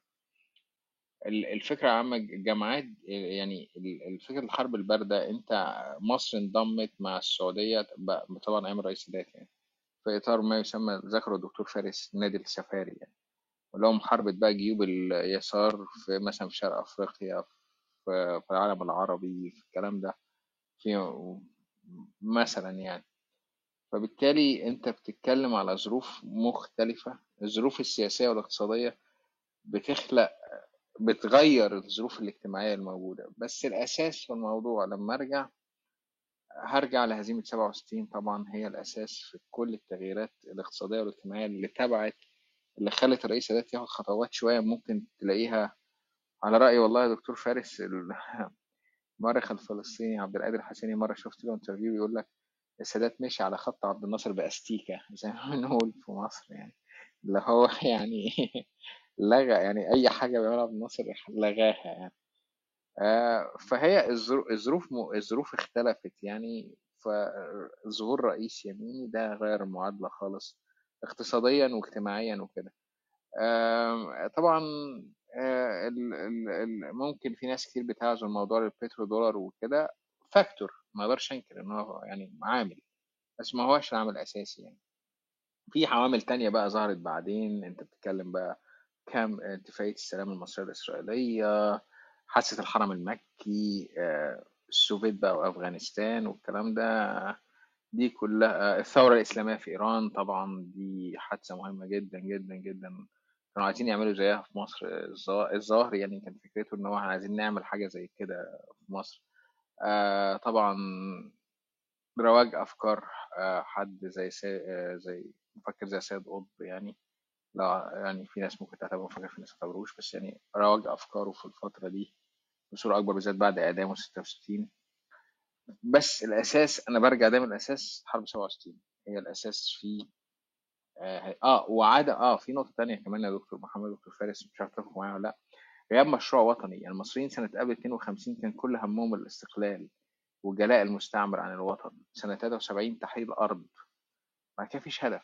يعني أنا مش شايف إن في هدف يعني بعد بعد 73 فغياب هدف رسمي آه، للشعب المصري يعني هدف وطني آه، بيجمع أغلبية آه، كل يعني تلاقي المسلمين وأباطه مش عارف كلهم عايزين الاستقلال تلاقي كان في ثورة 19 القسيس بيخطب في الأزهر والأ- والشيخ بيخطب في الكنيسة.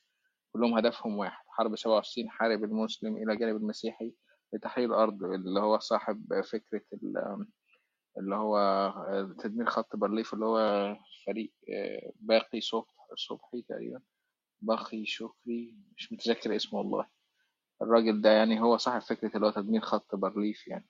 فتلاقيه مسيحي وكتير يعني. فغياب الهدف خراطيم المية. آه خراطيم المايه بالظبط. فغياب الهدف المشترك ده بقى موجود فبتلاقي الناس بقى بتتجه بعد كده بقى الدولة بيغيب دورها فبتلاقي الناس بقى بتتجه بقى لما يسمى بالتدين بقى المختلف يعني الصورة المختلفة يعني اللي إحنا شفناها. أنا آسف على الإطالة وأتمنى أسمع رأيكم طيب طيب. لا عايز عايز أضيف نقطة عشان المشهد يكتمل في الثقافي. انه قفل قفل المجلة بتاع مناحي حقي وقفل الطليعة لطف الخولي وقفل الفكر المعاصر بتاع زكي نجيب محمود. فحصل حاجتين ما يمكن تسميته هجرة اليسار ثم هجرة المثقفين المصريين. في الفترة دي فؤاد زكريا سافر الكويت أحمد بهاء الدين أحمد زكي زكي طليمات كل الأسماء الكبيرة في هذه الفترة إلى حد ما اللي هي نتيجة تراكم تاريخي آه، ترك وخلت الساحة بالنسبة له. الجزء الثاني أنه آه، يعني أصبح إلى حد ما خطاب الدولة. يعني في فترة من الفترات كانت بتوظف الثقافة لا هي أصبحت في عداء مع ال- الثقافة في هذه الفترة. ثم بقى حصل ما يمكن تسميته الترويج لأنماط اللي هي يعني أنماط ثقافية معينة إلى حد ما بدأت تنتشر. في هذه الحالة كان جزء من اليسار بيقاوم وبيصدر آه، صحف أو آه، دوريات على حسابه. ونذكر هنا مجلة إضاءة ومجلة أصوات اللي عملوها جيل السبعينات من اليسار.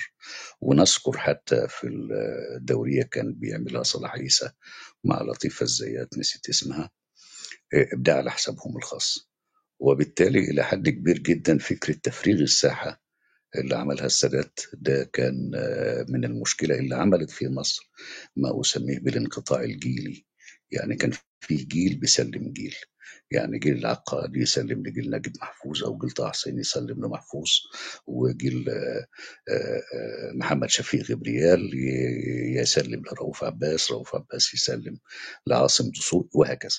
كان في حاجة هذا التتابع الجيلي حصل له انقطاع في مصر إلى حد كبير من منتصف أو من نهايات السبعينات وده كان أحد الكوارث اللي آه، أثرت على الرأسمال الرمزي الثقافي في مصر إلى حد ما وانتقاله في الخارج السعوديين عملوا الجندرية وبدأوا يستدعوا حتى أعدائهم من اليسار والكويت العراق سوري بدأت تاخد آه، جزء من هذا الميراث الثقافي وتشغلوا عندها إلى حد كبير. وبالتالي هنا حصل انقطاع جيلي وضع الرأسمال الثقافي اللي كان في حالة من التراكم بدءا من مطلع الثلاثينات إلى آه، نهاية السبعينات. أنا آسف على الإطالة. طيب أنا هنا بس في آه، نقطة حابب إن أنا أكمل آه، على أحمد. الموضوع على قد ما هو متشابك ومعقد وفعلا في عوامل داخلية وخارجية إقليمية ودولية كتير أثرت على المنحى والمسار الثقافي والاجتماعي والسياسي في المنطقة دي من العالم. آه، ولكن الحقيقة فكرة إن ما كانش فيه أهداف الفكرة دي أنا محتاج أزود عليها حاجة. هو ما كانش فيه أهداف وطنية ولكن كان فيه أهداف استراتيجية إقليمية عالمية. كان على رأس الأهداف دي هو القضاء على المد اليساري. الآلة الأمريكية اللي تحالفت مع بعض الدول الأوروبية وده مش شفناه بس في مصر أو في المنطقة دي من العالم ده شفناه في فيتنام شفناه في كوريا شفناه في الاتحاد السوفيتي شفناه في أمريكا الجنوبية. كان شغلها الشاغل هو القضاء على المد الشيوعي ووصلت في مرحلة من المراحل آه، اللي كان ما يعرف في الدواليب الأمريكية بالظاهرة المكارثية. الحقيقة اختلفت الأدوات ده من وجهة نظري اختلفت الأدوات على حسب الثقافات والسياقات المختلفة. طبعا هزيمة آه، أو نكسة 67 كان ليها كان ليها دور ودور كبير. ولكن أعتقد إن فكرة القضاء على المد اليساري بغض النظر عن هزيمة أو نكسة 67 كانت موجودة في الأجندة الدولية العالمية. واللي سمحت في في مجتمع زي المجتمع المصري بإن إحنا نشوف أسماء زي الشيخ الشعراوي أو الشيخ كشك أو حتى عبد الحليم محمود محمد الغزالي إبراهيم عزت. السيد سابق زكريا بطرس الشيخ المحلاوي ال- أسامي كتير كتير لا تعد ولا تحصى. آه، ولو رحنا برضو للثقافة آه، في دول الخليج هنلاقي برضو أسامي ظهرت في الفترة دي. أنا مع لبيدي إن ما كانش فيه أهداف بعد معركة آه، تحرير سيناء آه، انتهاء حتى يمكن في الثمانينات باسترجاع طابة.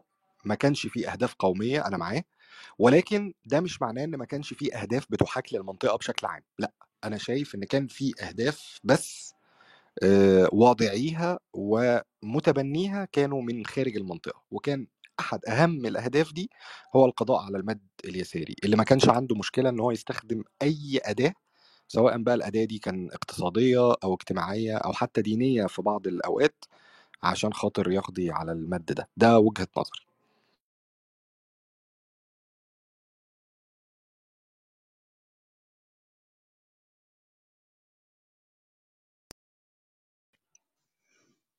أتفق معاك يا دكتور إسلام إلى حد كبير. وزي ما أنت قلت يا إسلام كلام الدكتور جلال أمين في الآخر قال لك إيه؟ الهدف النبيل زي الهدف الغير نبيل أو ال... أنت ذكرته هدف خبيث أو حاجة زي كده مش عارف. آه، ليه تعبير كده اللي هو ممكن يستخدم يلوي عنق الحقيقة يعني. آه، فبالتالي للأسف الشديد يعني هم استخدموا أساليب آه، المكارثيه طبعا زي ما ذكرتها بس طبعا محاربة الشيوعية داخل الولايات المتحدة الأمريكية بمعنى أصح أو محاربة التيار اليساري وكان اوجها يعني شارلي شابلن ساب أمريكا قبل ما إنه كان بيتهم بالشيوعية يعني وراح سويسرا عاش في سويسرا. فكانت نتيجة كارثية طبعا لما يسمى بالمكارثية اللي حصلت. في أمريكا طبعا وكان رئيس نيكسون بالتحديد هو أحد الناس اللي عايزين تقولوا حاجة أنا آسف أنا أنا بس آخر سؤال عاوز أسأله لدكتور محمد ودكتور فارس أو فراس. إيه، هل في مثقفين حضرت يعني حضراتكم حضرتوهم غيروا جلدهم بالمعنى المصري؟ يعني هل في أمثلة على مثقفين آه، مروا على التاريخ الثقافي المصري كانوا بيتعاملوا بشكل مثلا قبل الثورة وبعد كده اتغير بعد الثورة أو كانوا بيتعاملوا ب... بطريقة أيديولوجية معينة أيام عبد الناصر وبعد كده غيروا من أيديولوجيتهم آه، بعد النكسة آه، ولا باختصار ما كانش بيسمح ليهم أصلا؟ يعني كان اللي بيجي بيجي برجالته. هو أنا بس ممكن أعكس السؤال يا دكتور فارس. هو أنت تعرف كم مثقف ما غيرش ايديولوجيته معلش أنا أنا عايزك تعد العكس. أنا آسف يا إسلام. يعني انت عد لي كم واحد ما غيرش ايديولوجيته من أيام من بعد الثورة؟ لا هو أنا هتكلم على اللي اقتربت منهم يعني إلى حد كبير آه، سواء كان قراءة أو اقتراب شخصي. وهو الخماسي المعروف في هذه الفترة يعني. يعني ما ناخد مثلا عادل حسين على سبيل المثال لما عمل كتابه الماتع الرائع الاقتصاد المصري من الاستقلال للتبعية وهو الحقيقة رصد هذه الفترة رصد أكثر من رائع الكتاب ده ممتع. لأنه يعني يعتبر هذا الكتاب من الكتب المهمة في التاريخ الاقتصادي المصري. عادل حسين. اثنين آه، طارق البشري عمل نقلة خاصة في كتابه عن أزمة 54 الثلاثة آه، محمد عمارة آه، في النقلة بتاعته إلى حد كبير. فيه فيه جزء قطاع طبعا في القطاع يعني كان فيه كلام على لطفي الخولي لطفي الخولي له كلمة مهمة جدا قالها وهو في أواخر حياته. بيقول نترك هذا الوطن أسوأ مما استلمناه. فلطفي الخولي خاصة بعد كوبنهاجن تحديدا كان له نقلة إلى حد كبير. آه، في بعض الأسماء كتير في أسماء كتير في داخل دكتور عباد دكتور عباد مسيري يا دكتور فارس. ال- ال- المسيري م- المسيري موضوع شوية شديد التركيب لأن أنا اقتربت من المسيري بس المسيري ظل آه، يعني تعبيره الش- الشهير أنا ماركسي على على سنة الله ورسوله.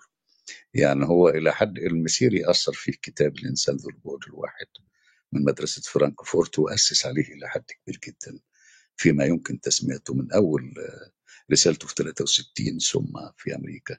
ثم تعيينه مستشارا لهيكل طب أنا أنا عايز أستغل الفرصة دكتور فارس. حضرتك قربت من الدكتور المسيري وأنا ناس كتيرة ما يعرفوش يتكلموا عنه. إيه رأيك حضرتك نعمل غرفة تعرض فيها مشروع دكتور المسيري بشكل واضح؟ لو عندك وقت. أنا هكون مهتم جدا جدا إن أسمع عن مشروع دكتور المسيري من حد كان جنبه. أنا قابلته يمكن مرة أو مرتين في حياتي كلها بس مشروعه بالكامل ما حدش ما أعرفش حد ممكن يتكلم عنه. فلو حضرتك قادر يا ريت نرتب حاجة زي دي ونتكلم فيها عن مشروع دكتور عبد المسيري. نرتب بس أنا المشكلة عندي في الذاكرة يعني الحالة الصحية مش كويسة. ربنا يدي فهو أنا رب تعرفت على دو. الله يخليك. أنا تعرفت على ثلاثة الدكتور حسن حنفي والدكتور المسيري والدكتور عبد المنعم التليمة والثلاثة المثلث فيا كتير إلى حد كبير. ف أنا بحب المسيري. يعني لأنه يعني نوع من المثقف المتسق. مش هتكلم عنه فكريا. يعني الراجل لما كان المهم يعني. لا هو من النوع ال- إلى حد كبير كان متسق مع نفسه بصورة كبيرة وكنت بختلف معه كثيرا لكن هو هو تاثر بمدرسة فرانكفورت وأصل مشروع المسيري هو التاثر بمدرسة فرانكفورت وهو إلى اواخر حياته إلى حد ما كان عنده قناعة مركزية مستقرة بس على مدرسة فرانكفورت إلى حد كبير. آه، آه، المسيري في آخر حوار ليه في العربي الناصري ما, ما, ما, ما يصنفش كإسلامي إلى حد كبير. يعني ده كلام ممكن نتكلم فيه كتير هو مع الدولة المدنية قولا واحدا. هو تأثيره في كفاية كان تأثير أنا مش هتكلم عليه دكتور الفكري حضرت نقاش طويل حوالين الدبلة الذهب اللي في إيد المسيري. حضرت نقاش طويل حوالين الدبلة الذهب. يا جماعة أنتوا بك- بتتكلموا جد هو ده نقاش فعلا؟ نقاش من اتنين. وإن الموضوع والذهب يعني حضرتك عارف أنا حاسس إن هو كان مسلم عادي ما كانش ما كان يعني مش طب نتكلم لا لا لا لا لا لا, لا عادي هو أقل لا عادي واقل من عادي عادي واقل من عادي. من بس الأشخاص دي كان أنا ده كان عجزت عن تفسيرهم الحقيقة عجزت المسيري آه، أنا فعلا متلهف إن أنا أسمع من حضرتك تحليلك على مشروعه لأن أنا من من الكتاب القلائل اللي أنا عجزت عن استقراء قناعاته أو أيديولوجيته. الحقيقة يعني. هو طبعا طبعا اللي تجيد هذا الدكتوره هبة رؤوف أكتر أي حد لو تتكلم على المسيري لأنها طبعا. كانت معاه. دكتور هبة رؤوف عزت طبعا طبعا. وكان وكان صديقنا دكتور أحمد عبد الله زوكا اللي هو أستاذ الطب النفسي في السياسيه حاليا ال- دول من أكثر الناس اللي يتكلموا عن المسيري ويتكلموا عنه في تحولاته الفكرية إلى حد كبير. أنا قعدت معاه ساعات أنا قعدت مع الدكتور المسيري ساعات يعني وربما وربما نضيف لهم الدكتور العوا لا أنا ما بحبش العوة. مش لازم آه. إحنا مش لازم الحب. هو بينكشك على فكرة. هو بينكشك. هو إحنا عايزين نضيفه بس يعني هو دكتور محمد بيضيفه بس. بس هو اللي أنا اللي أنا لا اللي أنا اتعلمته يا دكتور دكتور فارس أنا آسف قطعت حاجات كتير بس هو والله نقاش لطيف يعني. دكتورة هبة حرفيا في آه، جيل كبير جدا. منهم محمد أبو الغيط مثلا الله يرحمه منهم أصدقاء كتير. دكتورة هبة حرفيا يعني كانت الصالون ثقافي كان كان يعني كان زي تفريخ كده. كان في ناس أعرفهم شباب بيروحوا ما عندهمش مشروع بيخرجوا كده. بيت اتقبلوا في اسلام لا وكان عندك حسام تمام الله يرحمه. المهم الله دول الله اتقبلوا. الله يا دكتور. الله يا الله يا أنا سبب أنا سبب أنا أنا سبب اضافتي للدكتور العوا ان كنت بحضر آه الدكتور المسيري عنده في مكتبه. مكتب العوا كان بيستضيفه هناك في آه، جمعية آه، يعني كان اسمها جمعية إيه؟ جمعية كان في مصر جمعية التربية. كان جمعية في مصر جمعية التربية. للثقافه والأداب أو للتربية لا والثقافه كان في بقى جمعية اسمها جمعية التربية الإسلامية. دي كانت عاملاها الدكتورة زهير عابدين ودي كانت في ميدان المساحة. ودي كان فيها حسين الشافعي والمسيري وعمارة وطلعت روم يحلى كانت وفي مكان تاني كان المركز العربي الإسلامي بتاع رفعت سيد أحمد في إبراهيم اللقاني في مصر الجديدة. فدول المكانين اللي كان فيهم الالتقاءات يعني. رفعت سيد أحمد ما زال حيا يوثق يعني فهي ال يعني ال نتكلم نتكلم يا عم والله يا دكتور فارس أنا ما شفتش حد على يعني ما شفتش حد قادر على فهم وتحليل الإخوان المسلمين وما قريتش كتاب بيتكلم عنهم زي تاسف الإخوان. ولما بنصح الناس بيهم بقول لهم إن حسام تمام كان كذا وكان كذا وكان كذا بتضايق جدا إن في ناس ما يعرفوش حد بالحجم يعني هو إنتاجه الثقافي والمعرفي ما كانش كبير الله يرحمه. حسام حسام الله يرحمه ترجمت كتبه للفرنسية وتلميذه للتلمذ على إيده إلى حد كبير هانن سيرة ف صحيح. ف بس هو مات صغير اتخطف يا دكتور فيمكن الناس عشان كده ما تعرفش عنه آه حاجات كتير. حسام تمام اللي كشف الخطاب الاخواني من بدري وتركيبته وكتب ترجمت للفرنسية المهم أنا آسف أنا يعني أنا ما اسف تتأسفش الإطالة خالص حضرتك حضرتك حرفيا بتضيف لنا يعني عايز أقول لك إن حتى تيمور من شوية قال لي أنا عايز يعني أنا عايز أقعد أسمع بس أنا هستأذن وأرجع تاني وبشكركم جدا. ما ما فيش أي حاجة بالعكس إحنا مستمتعين بكلام حضرتك بل على العكس الله أنت انت بتنور لنا حاجات يعني. اتفضل يا إسلام. الله يخليك. لا الحقيقة أنا أنا سعيد بحضور دكتور محمد ودكتور فارس ودكتور العوا. وأنا أنا سعيد بذكر دكتور العوا كاسم لأن أنا بالنسبة لي يعني عشان دكتور محمد آه. حبيب قال اسمه. آه يعني يمكن الحاجة الوحيدة اللي, اللي مضايقاني شوية في بس بس أنا اسحب بس أنا اسحب الاسم بقى بدل الله الله. الحاجة اللي مضايقاني فعلا هي كت- كترة الاعتذارات. حقيقي مش مقام خالص مقام الاعتذار. هنا إحنا بنستفيد. أنا شخصيا بستفيد بشكل كبير من من دكاترتنا الكبار. وحقيقي زي ما قال نوي بعض المناقشات بتبقى درر. من غير كلام مترتب ومن غير كلام آه، محسوب آه، بيطلع وبيطلع فعلا نتاج آه، عصارة ثقافات وتدافع فكري ليه علاقة بأجيال مختلفة ومفيش أفتكر أكتر صدق وأكتر موضوعية من ناس يكونوا حضروا الحقبة أو الحقب التاريخية المتتابعة دي بشكل واضح.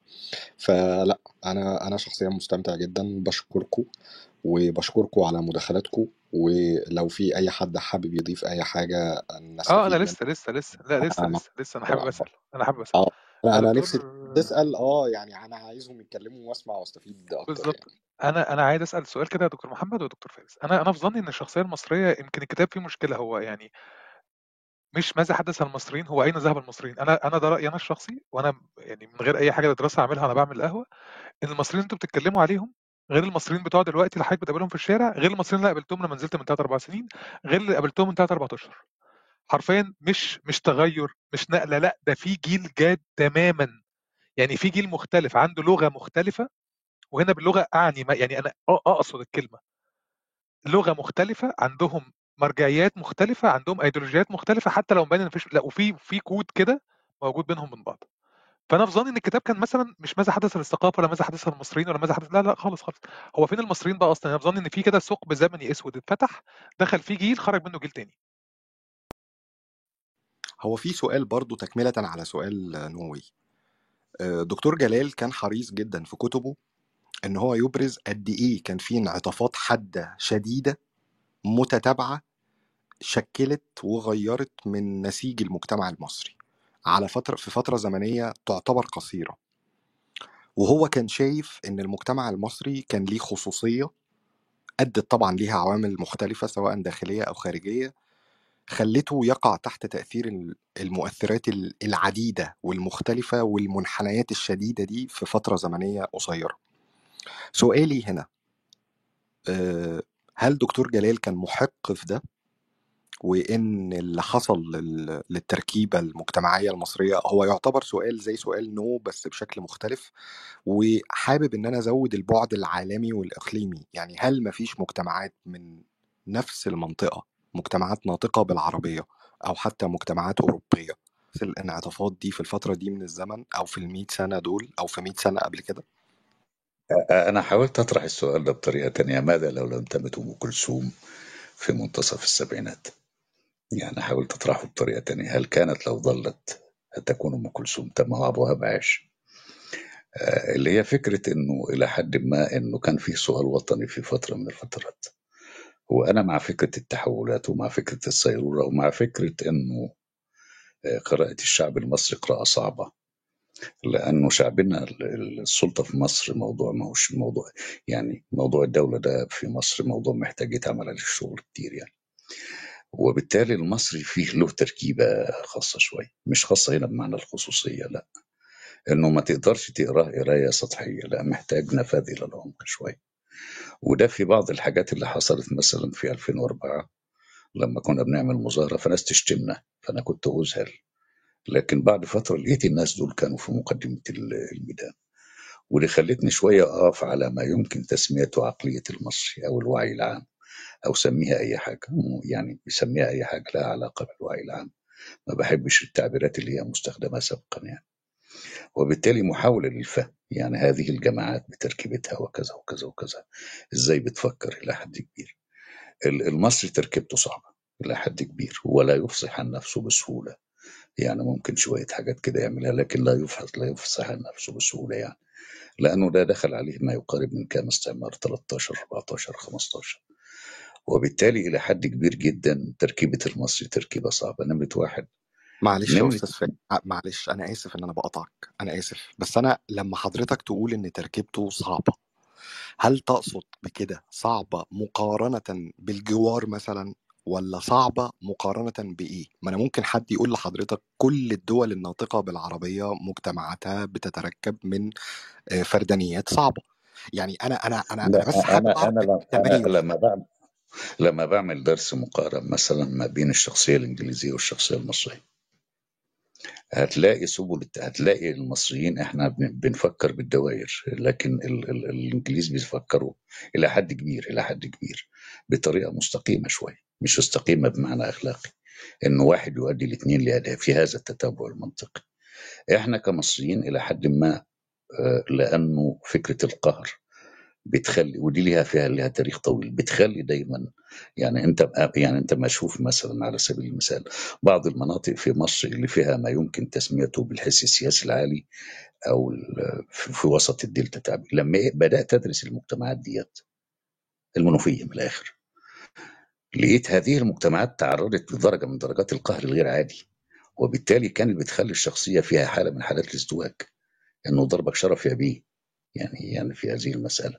وبالتالي القهر بيولد ما يمكن تسميته مكون نفسي إلى حد ما مغير. أما تشوف في في في في في, في تأثير السياسة على التركيبة النفسية للشعوب مهم قوي وتأثيرها على أنماط التفكير بتاع ده وجهة نظري ممكن أكون غلطان إلى حد كبير. وبالتالي فكرة المصري لا يقرأ من ظاهره. يعني العلامات الخارجية مش دالة. لازم تتعمق شوية في في المسألة إلى حد كبير. وده حتى بتلاقيه في في المجتمعات الريفيه لأنه التواصل فيها face to face communication لكن إلى حد ما الناس برضو عندهم ما يمكن تسميته عالم الظاهر والباطن. شوية يعني لهم حاجات بتنكشف في لحظة من اللحظات. وبالتالي كان في كتاب اسمه علم نفس الفلاحين وده كان عنوان غريب جدا. كان عامل واحد اسمه محمد حسن خليل في آداب عين شمس. كان كتاب ممتع بالرغم أن عنوانه غير علمي إلى حد ما. قعدت اقراه شوية وقعدت اطبقه على ما يمكن تسميته بالأبنية الاجتماعية في داخل المجتمعات الريفيه ال- ال- ال- ال- المصري ما هواش المصري زارع طول عمره تاريخي والثقافة الزراعية مهمة في تاريخنا. خلاف الشامي إلى حد ما الحس التجاري والتبادلي عنده عالي وبالتالي إلى حد ما الشخصية مركبة. مركبة هنا مش مش إنها معقدة لا يعني بمعنى إنه تفسيرها في سلوكها ما تقدرش تتنبأ بطريقة بسيطة. محتاجة قراءة آه، أعمق شوية. أعتقد كده أنا جبت على نص السؤال يعني. هكمل النص الثاني اتفضل يا عزيزي. طيب بس أنا صوتي واضح؟ لأن أنا ماشي في الشارع. واضح صوتي ولا واضح يا دكتور. واضح يا دكتور. تمام تمام. ال- الحقيقة إحنا في تصوري أنا شخصيا إن الشع- الشعب المصري آه، غير قابل للتنميط. ما تقدرش تحطه في إطار نمط له آه، ملامح معينة. وأنا ربما اللي بيجيب عن هذا السؤال يوسف إدريس في السلطان حامد. أنا بنصح قراءة القصة القصيرة الجميلة ديت لأنه بتنتهي بخطاب ما أنا مش عارف إذا كان الخطاب ده كان وثيقه فرنسية فعلا ولا هو من إبداعاته؟ هتشوف حقيقة يعني الشعب المصري كيف يفكر. ربما عبر عنها في جملة سريعة جدا أحمد فؤاد رجل قال لك إن إحنا شعب ملوش كتالوج. ما ما ما تقدرش تتوقع ما يمكن أن يحدث من هذا الشعب. الدكتور جمال حمدان عبر عن هذا بأنه شعب طويل الصبر في حاجة إلى عنفوان وليس إلى عنف لأنه بي- هو بيتمتع بملكة الحد الأوسط. فصبره طويل جدا ولكن لا تتوقع ما يمكن أن يحدث ربما ده تجلى في 2011 آه، دي اللي كنت عايز أقول حاجة بقى انت سألت سؤال يا يا نوي بتقول إحنا إلى أين ذاهبون؟ أنت عارف إن السؤال ده اتسأل لهيكل في وهو بيعمل عرض لكتاب ملفات السويس في بداية الثمانينات في نقابة الصحفيين وأنا كنت حاضر. واحد الحضور سأله بيقول له إلى أين تتجه مصر؟ هو طبعا بذكاء قال له مصر تتجه مصر تتجه ناحية الغرب مصر تتجه ناحية أمريكا. فبنط بسرعة كده على كتاب وقع في إيدي فيه وأنا كده بدور في البيت هنا. لقيت الحاجات محطوطة في لقيت كتاب عندي للدكتور جمال حمدان اسمه فلسطين اولا إسرائيل مواقف إسرائيل. وعرض الكتاب ده اخوه الدكتور عبد الحميد حمدان. وعيني وقعت على تعبيرين. تعبير هو خده بالانثروبولوجيين و- وتعبير آخر هو صك بيقول إن بريطانيا هي الأب البيولوجي لإسرائيل وإن أمريكا هي الأب الاجتماعي. حسب. تعبير الأنثروبولوجيين. آه، أنا بعتقد بقى إنه فكرة ال 99 10% أوراق اللعبة اللي في أمريكا هو محاولة إيجاد أب اجتماعي من قبل السادات في ذلك الوقت لمصر وهو أمريكا. وربما ده كان أيضا آه، بيتماهى وبيتفق مع التوجه اللي آه، السادات انتهجه وتأثير فيصل عليه وإنه خلينا بقى أمريكا كفاية بقى أنت قعدت كتير مع الجماعه الكفره دول هم يعني مصر خلاص يعني. وفي الفترة دي المدرسة الدينية بتاعتهم آه، شيطنة الفكرة النبيلة بتاعت عبد الناصر اللي هي القومية العربية وسمتها الوثن وهذا عبادة الشيطان. بس وأتوقف. وأنت أنت عارف أنت فين دلوقتي. شكرا ليك. طب أنا برضو في سؤال افتكرته كان سأل نجيب محفوظ في احتفاله بالمئوية ما أعرفش حضرتك فاكر السؤال ده ولا لأ؟ أعتقد يوسف القعيد سأله له اتفضل يا دكتور. لا القائد هو ما يجاوبش القائد لا لا هو عارف القائد سأله جاي منين. بالظبط آه بالظبط هو أيوه ما سأله هو سأل وقال له لو أعرف. هو سأل وقال له قال له أيوه لو أعرف. أيوه أيوه قال له لو اعرف أنا كنت أيوه زماني قال له هنا لا لا لا ما هو القائد معروف هو جاي منين. الم- القائد هو معروف جاي منين. القائد متطفل في جل... تلميذه جمال الغيطاني القائد آه، معروف هو جاي منين. فهو عارف إن هو تركه من ال... من القائد. فهو وهو أصلا نجيب محفوظ ده. أنا يعني كنت ابن مدينة وبعدين لما قعدت معاه طب ده فلاح إزاي؟ يعني نجيب محفوظ ده دواير يعني لما كان بيعمل قعده في شيبرد يعني. ف... هو رهيب ف... هو عبارة عن طبقات طبقات مش بني آدم واحد مش بني آدم واحد هو بني ادمين مع بعض. هو أنا كنت من عشاق إدريس بس لما قعدت معاه تقريبا قعدت قرأته مرة تانية إلى حد كبير. يعني أنا كنت شايف إدريس ده زي الطلقة يعني والتاني بناء عظيم يعني. لكن غير آه، الدكتور فارس غير المذهب بتاعه من إدريس إلى آه يعني إلى حد آه إلى حد كبير هو كان بيعمل قعدة وبعدين كان بين كان قاعدة في قصر النيل. كل الكلام اللي أنا بحكيه ده من منتصف التسعينات يعني أو من من من آه من منتصف التسعينات. فهو كان بيعمل قعده في في قصر النيل أنت وكان بيتواجد بقى لا إجابته فيها قصدك إن ارهاب إجابته ما كانتش إجابة على القائد كانت إجابة على اللي ورا القائد يعني هو بيجاوب على اللي ورا القائد مش بيجاوب القائد بس نفسه. آه تمام أوكي. تمام. إلى حد ما يعني إلى حد كبير. بس المحفوظ ما هو سهل خالص نهائي وظل وفيا للليبرالية إلى آخر آه، لحظة في عمره يعني. يعني هو ابن ثورة 19 في نهاية المطاف يعني. ف... ف... بس أنا عايز أسأل الدكتور الحبيبي سؤال. اسمح لي. اتفضل دكتور. وهو السؤال الملغز في مصر بسميه تطور الموقوف. دلوقتي أصبح عندي طبقة متوسطة تشكلت في مصر واتسعت. في نهاية الستينات وفي نهاية السبعينات الخطوة التالية في تطور الطبقة المتوسطة كان هيكون إيه؟ أعتقد كان من الطبقة المتوسطة في تصوري أنا إنه كان هيطلع منها الطبقة السنسمونيه اللي ممكن تبقى هي رمانة الميزان في المجتمع المصري ولكن أنا بقى ما تعرضت له هذه الطبقة في فترة السبعينات أجهز عليها وحول بعضها آه، من تنازلوا وقرروا آه، يعني الانصياع ومن تبقى منهم آه، يكابد ومنهم من انسحب تماما. وللأسف يعني ما احناش ما عادش عندنا طبقة وسط تقريبا تكاد تكون فالظروف لم تكن مواكلة أن تستمر هذه الطبقة بسبب فعل القدر في السبعينات.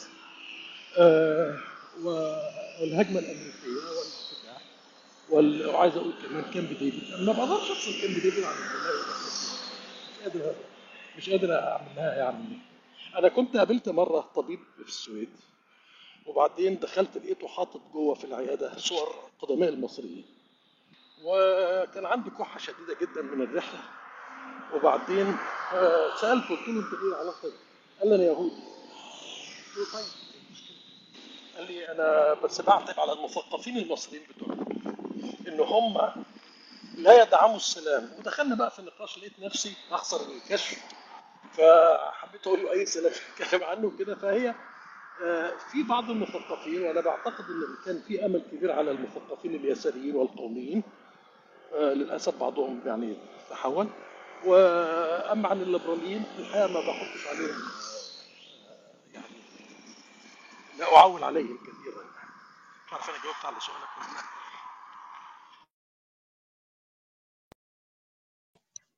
أنا بشكرك دكتور محمد بشكر دكتور إسلام بشكر نوي بشكر الدكتور لبيدي حاضرا وغائبا ويعني كانت غرفة ممتعة.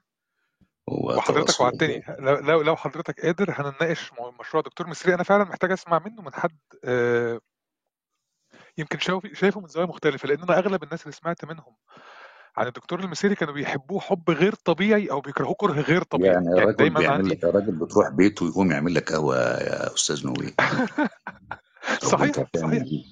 أنا من محبيه على فكرة. وبعدين البيت مدرج يعني البيت السلم كده تراث فرعوني وجايب كذا تراث إسلامي تراث تراث قبطي تراث إسلامي. آه، لوحات عمر النجدي في الصالة أو يبدأ كذا وك... لا وهذا التواضع اللي مش اللي نادر إنك تلاقيه عند ال... لا هو المسألة فيها اتساق. هذا رجل كان متسق إلى حد كبير. وكنت بختلف معاه وكان بيتقبل الاختلاف في نهاية المطاف يعني. لكن آه، في ناس لازم تقف في اللي هم في كذا وكذا وكذا. من الناس اللي كان عندهم رحابة صدر واسعة جدا كان الله يرحمه نجيب محفوظ جدا جدا. وكان كان عنده رحابة صدر ولا كان قادر؟ لأن أنا أنا آسف والله أنا آسف أنا بقطع حضرتك حضرتك لا حضرتك أسفنجة. تفتكر تفتكر صالح هيصه بتاعت خيري شلبي؟ آه. آه عمنا خ- أنا للأسف طيب. الشديد الوحيد الوحيد اللي ما قابلتوش خيري شلبي. أنا لا كان أنا قابلت أنا خيري خيري شلبي حكى لي رواية كاملة في ميرت قعد جنبي في ناد في معرض والله حكى لي رواية كاملة وأنا ما كنتش متخيل إن ده ممكن يحصل في الطبيعي إن في حد يكلمك على رواية يحكيها لك ويكملها لحد الآخر وأنت قاعد. يعني هذا ما رأيته من قبل. عند أستاذ خيري لا شلبي في رواية اسمها لا صالح كان كان كان الأحب الي في جيل الستينات كلهم كان بهاء طاهر. عمنا بهاء طاهر وعملت غرفة. الله عمنا بهاء طاهر. عمنا بهاء طاهر ده من الشخصيات اللي حاجة حاجة غير عادية الله يرحمه. فعمنا بهاء طاهر ده كان حاجة أنا لحد دلوقتي فاكر له فاكر له أنا أنا أنا فاكر بهاء طاهر قضى جزء من حياته في جنيف لو أنا مش مش غلطان. آه ما هو من الناس اللي هاجروا واشتغل في الأمم آه المتحدة آه. شوية و... و... بس هو ال- هو المسألة رجع فكرة إنه دكتور؟ رجع مصر بعد ما طلع سويسرا رجع مصر وكان موجود في ديوان كان كان قاعد كان آسف يا إسلام كان بيقعد في ديوان الزمالك وكان عنده قاعدة في في ديوان الزمالك. اللي كان بيحب يقابله وكان في حتة برضه زي المسيري كده. يعني إن حد حد بحجم بهاء طاهر ياخد كتابك يقراه ويعلق لك عليه ويكتب لك توقيع ويكتب لك جمل ده ما شفتوش في شباب صغيرين بيكتبوا دلوقتي. بهاء طاهر كان لحد آخر أيامه مش في التوا... يعني مش متواضع كان في غاية الجمال. يعني زي ما كان دكتور فارس بيحكي لك كده ما تقدرش إنك تعرفش تتكلم عليه. يعني ما تقدرش. في حاجات كتيرة تمنعك لا هو كان راجل عظيم يعني. المكون الإنساني مهم قوي اللي أنت اتكلمت عليه ده مهم جدا في المسألة إلى حد كبير. و... وكان يعلم ويتعلم في نهاية المطاف. نجيب كان مستمع غير عادي الأستاذ نجيب محفوظ كان مستمع غير عادي. ويناقش في المسألة يعني يناقشك لما ما- مالوش دعوة بالسن والبتاع. يناقشك لو أنت بتقول حاجة وياخد ويدي معاك في الكلام. فده بقى بسميه المعرفة وأثرها النفسي إنه إزاي لما الواحد بيعرف بيبقى عنده هذه المساحة من البوح يعني من هذا الاتساع الإنساني. فده لقيته يمكن عند بهاء طاهر ولقيته عند المسيري ولقيته عند نجيب محفوظ لحد كبير جدا يعني. للأسف الشديد يعني محمد مستجاب محمد كان شرس. محمد عمنا محمد مستجاب كان شرس صعب. ما ما ما ما- يعني فهو من جيل الستينات يعني أنا بفضل آه، في في الشخصية بهاء طاهر في الكتابة عبد الحكيم قاسم خاصة في أيام الإنسان السمع ف أنا كنت عايز بس أختلف معاك في نقطة على نجيب محفوظ على دكتور نجيب على أستاذ نجيب محفوظ. أستاذ نجيب محفوظ كان كان بالنسبة لي زي عشان كده رحت لخيري شلبي. عم خيري شلبي لما كان بيحكي على ابن البلد ليه رواية بقول حاجة اسمها صالح هيصه هي من أجمل الحاجات اللي ممكن تقراها له عموما لأن هي حاجة ليها بداية ونهاية. أنا مشكلتي مع خيري شلبي إنك أنت لو أنت يعني موال البيات والنوم وحاجات كده أنت بتتوه منه في النص. لكن صالح هيصه روايه ليها بداية ونهاية ووسط أنت فاهم إحنا بنحكي إيه. في صالح هيصه الشخصيه دي بتاعت صالح هيصه شخصية ابن البلد اللي هو قادر إن هو يقراك ويديك اللي أنت عايزه وياخد منك اللي هو عايزه ويمشي وأنت مبسوط. أستاذ نجيب محفوظ أنا يعني ما لا لا لا اسعدني الحظ ولا الزمن ولا الفترة إن أنا أقعد معاه أو أكلمه. بس أغلب اللي قابلتهم معاه كانوا كلهم شايفين إن هم هو امتصهم حرفيا. هو عنده القدرة إن هو يمتص منك الشخصية بتاعتك يضيفها بعد كده يضيف لها يضيفها بعد في الرواية أو حاجة وتخرج مبسوط. لكن بقية الشخصيات اللي حضرتك بتتكلم عنها دي كانت شخصيات مش بس حقيقية هي مش عايزة تستفيد من يعني هي هي بتفيدك هي يعني هي بتتفاعل معاك بتتفاعل بشكل إنساني. ففي ظني الدكتور أستاذ نجيب محفوظ ما كانش بيتفاعل هو كان بيتفرج. يعني مش مش في موقف الشخص اللي هو داخل معاك في ديبيت فبيتناقش لا لا لا هو بيتفرج. هو مثلا شاف حاجة ينفع تبقى حتة في روايه حتة في نقاش حتة في حاجة. على عكس عمنا بهاء طاهر على عكس برضو محمد المنسي قنديل. أستاذ محمد المنسي قنديل كده. عكس المخزنجي خالص. المخزنجي زي ما حضرتك بتتكلم كده المخزنجي شخص صارم جدا حتى في كتاباته. مفيش نقطة زيادة مفيش فاصلة زيادة مفيش بس حرف ملوش ممتع. لازمة. لا لا بس المخزنجي مبدع ممتع. طبعا. ممتع بس ممتع هو في الآخر ممتع. ومبدع كمان يا دكتور. لكن هقول لك حاجة الحاجة الم- الأستاذ محمد المخزنجي ودكتور محمد منسي قنديل الاثنين هم نفس الجيل وأصدقاء. لكن اقرأ لمحمد المنسي قنديل رواية واقرأ المخزنجي لا في كتاب 20 صفحة وفي كتاب 250 يعني ومش ممكن تزهق من يعني مثلا في قمر على سمرقند محمد منسي قنديل دخلك في أربع روايات في رواية واحدة. هي مش يعني هي رواية واحدة. أنا عشقت. هي مجموعة روايات مش رواية واحدة. يعني وبعدين ممكن يحكي على الكلية الحربية اللي حصل في النهايه العسكريه ويرجع يحكي لك في الحدوتة وتمشي معاه. ال- ال- الجيل ده ال- ال- الثقا ال- يعني التنافر ده حضرتك ما أعرفش انت كنت مطلع على معرض الكتاب الفترة دي ولا لأ أو شفت الكتاب الجداد ولا لأ؟ لا أنا أنا بعيد عن مصر بقالي فترة بس والله رب طبعا ربنا كرمك والله. والله آه ربنا كرمك آخر كرم. ده, ده, ده جيل الستينات اللي هو بعد محفوظ ثم جيل السبعينات اللي هو إبراهيم عبد المجيد ومحمد المخزنجي والمنسي أنديل ويوسف أبو ريا. يوسف أبو ريا يعني أصغر منهم سنا. ومحمد دي عفيفي مطر في في مجموعات كده في مجموعات عظيمة في ناس لا بتقع عفيفي مطر بقى عفيفي مطر ده برضه كان من الحالات الخاصة جدا. يعني جدا بجلبيته يعني. ده كان من الحالات الخاصة جدا هو إنسان طيب قوي قوي ونقي شديد النقاء. والحقيقة نصه الشعري ما خدش حقه كما ينبغي يعني. يعني حضور أمل دنقل كال كال كالعفيفي مطر عاملين في امل دنقل كل الكل يا مولانا. أمل دنقل كل الناس كلها. أمل دنقل كتاباته حتى حتى تعامله كحد خل الشعراء يعني في مق... في مقهى ريش مثلا حكى مقهى ريش ولما تيجي لما خناقاته مع نجيب سر... يعني هو في حاجة واحدة الواحد بياخد باله منها إن الجيل ده ما كانش حقيقي. هي الناس دي كانت بتتكلم بجد يعني هي ما كانتش كانت بتكتب وبتتكلم بجد. هقول لك مفاجأة نجيب سرور كتب مسرحية عن المنطقة عندنا يعني. يعني آه، كتب ياسين وبهية عن المنطقة عندنا ودي ثورة حصلت عندنا سنة 51 آه، وهو كان آه، وده اللي خلانا ننتبه يعني ننتبه شوية لما ما يمكن تسميته بالبيئة المحلية وأثرها شوية يعني ال- أو الرواية الريفية عامة في في مصر تحديدا. ال- ال- الجيل الستينات له سماته وجيل السبعينات له سماته بس إحنا كده يعني أنا حاسس إن أنا أطلت وهي كانت غرفة لا بالعكس والله إحنا قاعدين مستمتعين جدا. أنا عايز أقول لحضرتك إن أنا الحظ اسعدني إن دخلت بيت نجيب سرور في الجيزة لأن كان أحد آه، يعني حد من قرايبه البيت اللي هو كان عايش فيه في الجيزة حد من قرايبه كان صديق فدخلت بيته. أنا طول الوقت بسمع إن الأماكن ليها ذاكرة وإن الحاجات وبتاع يعني بتسمع الأشياء دي طول الوقت. أنا ما شفتش مكان كئيب في حياتي قد الشقة دي. لم أرى في عمري وأنا رحت أماكن كتير وتك... ما شفتش مكان كل حتة فيه مليانة حزن وكآبة قد البيت ده. حتى مع تغير كل حاجة تحس إن البيت ده حرفيا حضر يعني في مأساة يعني في كده حاجة مش مش عارف بس في ذاكرة المكان ليه ذاكرة. أنا عارف إن الكلام يبدو غريب شوية على أغلب الناس بس في حاجة في في في حزن هنا في شيء غريب حصل هنا. نجيب سرور آه وأمل دنقل والجيل اللي حضرتك بتتكلم عليه والجيل اللي بعده والجيل اللي بعده. عارف حضرتك لما تبقى في هرم فبدل ما تطلع بقى فوق بعد كده المفروض إنك تكمل. أنا حاسس إن هو يعني كان في كده زر... يعني في فترة المفروض إن إحنا بعديها يا إما نطلع بقى نخترق السحاب يا إما ننزل. وإحنا نزلنا. وبعدين ما نزلناش بشكل تدريجي إحنا بننط بقى في النزول. يعني عشان كده كنت مهتم بالنقاش مع حضرتك قوي في النقطة دي إن الجيل اللي إحنا واصلين له دلوقتي ده مستحيل يكون قرا لدول. يعني مستحيل يكون قرا لهم. لا لا لا في نماذج بتواصل المسألة بس هي معمى عليها أو مش معروف يعني في نماذج في الكتابة في مصر نماذج متميزة جدا. يعني جيل التسعينات مرال التحول المرشحة حاليا. أول رواية عملتها في منتصف التسعينات اسمها الخباء كانت متفردة ميت المساني كانت متفردة منتصر القفاش كان متفرد مصطفى ذكري كان متفرد. لا في أسماء إلى حد ما مصطفى المسألة. مع حضرتك بس مصطفى بس ما فيش حد قادر يجمع الاثنين مصطفى ذكري مثلا أنت تقرا له كويس قوي مش ممكن تقعد معاه. يعني صعب ان ما أعرفش حاجة عارفه بشكل شخصي ولا لأ بس صعب إنك يعني حتى بلقاء يعني ما, ينفعش. أنت عارف أنا بتكلم على إيه. ما ينفعش تقعد معاه أصلا. صعب. لا بس منتصر القفاش حاجة متعة يعني. منتصر سليل محمد المخزنجي. وكان حد من عندكم اسمه عبد الحكيم حيدر ما أعرفش راح فين طبعا. ف وك... آه آه وكان فيه يعني مثلا كان عندكم عبد الحكم العلامي بس ده خد الدرس الجامعي وكمل في الحاجات كان شاعر شاعر تقيل له وزن يعني. ف... فلا فيه آه، فيه في فيه لا في اجيال بتسلم إلى حد ما بس على المجهود الذاتي وم- ومعمى عليها ما حدش يعرفها شوية يعني. بس أهل الصنعة في المسألة بيبقوا عارفين البكش من الحقيقي يعني إلى حد كبير يعني.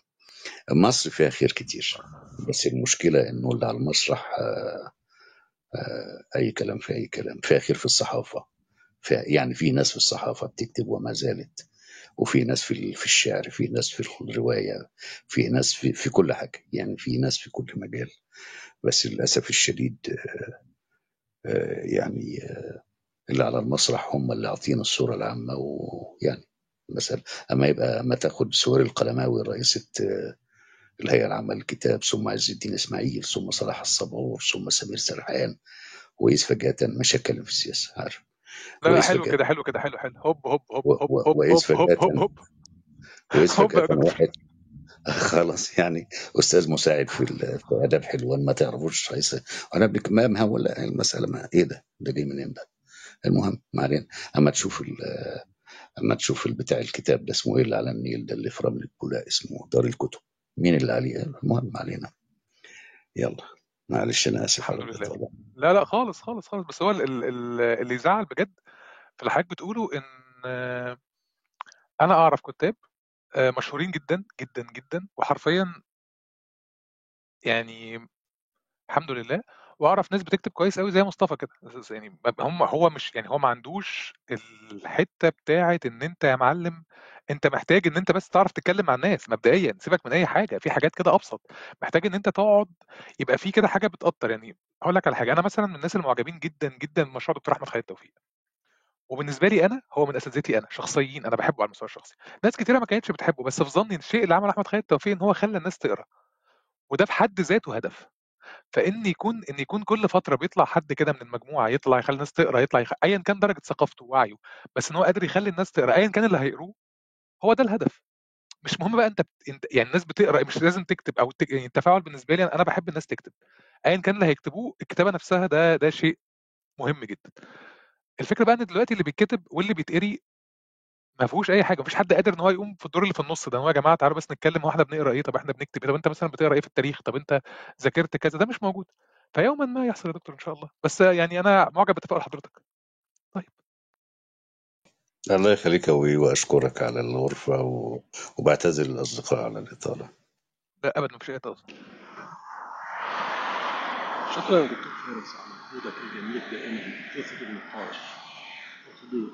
كنت عايز بس تفكرني بالقرية اللي منها نجيب سرور في في أدم هي مش بلد الأتربة بتاعت عزة وسامي أو جماعة الكتريبي ولا أنا نسيت؟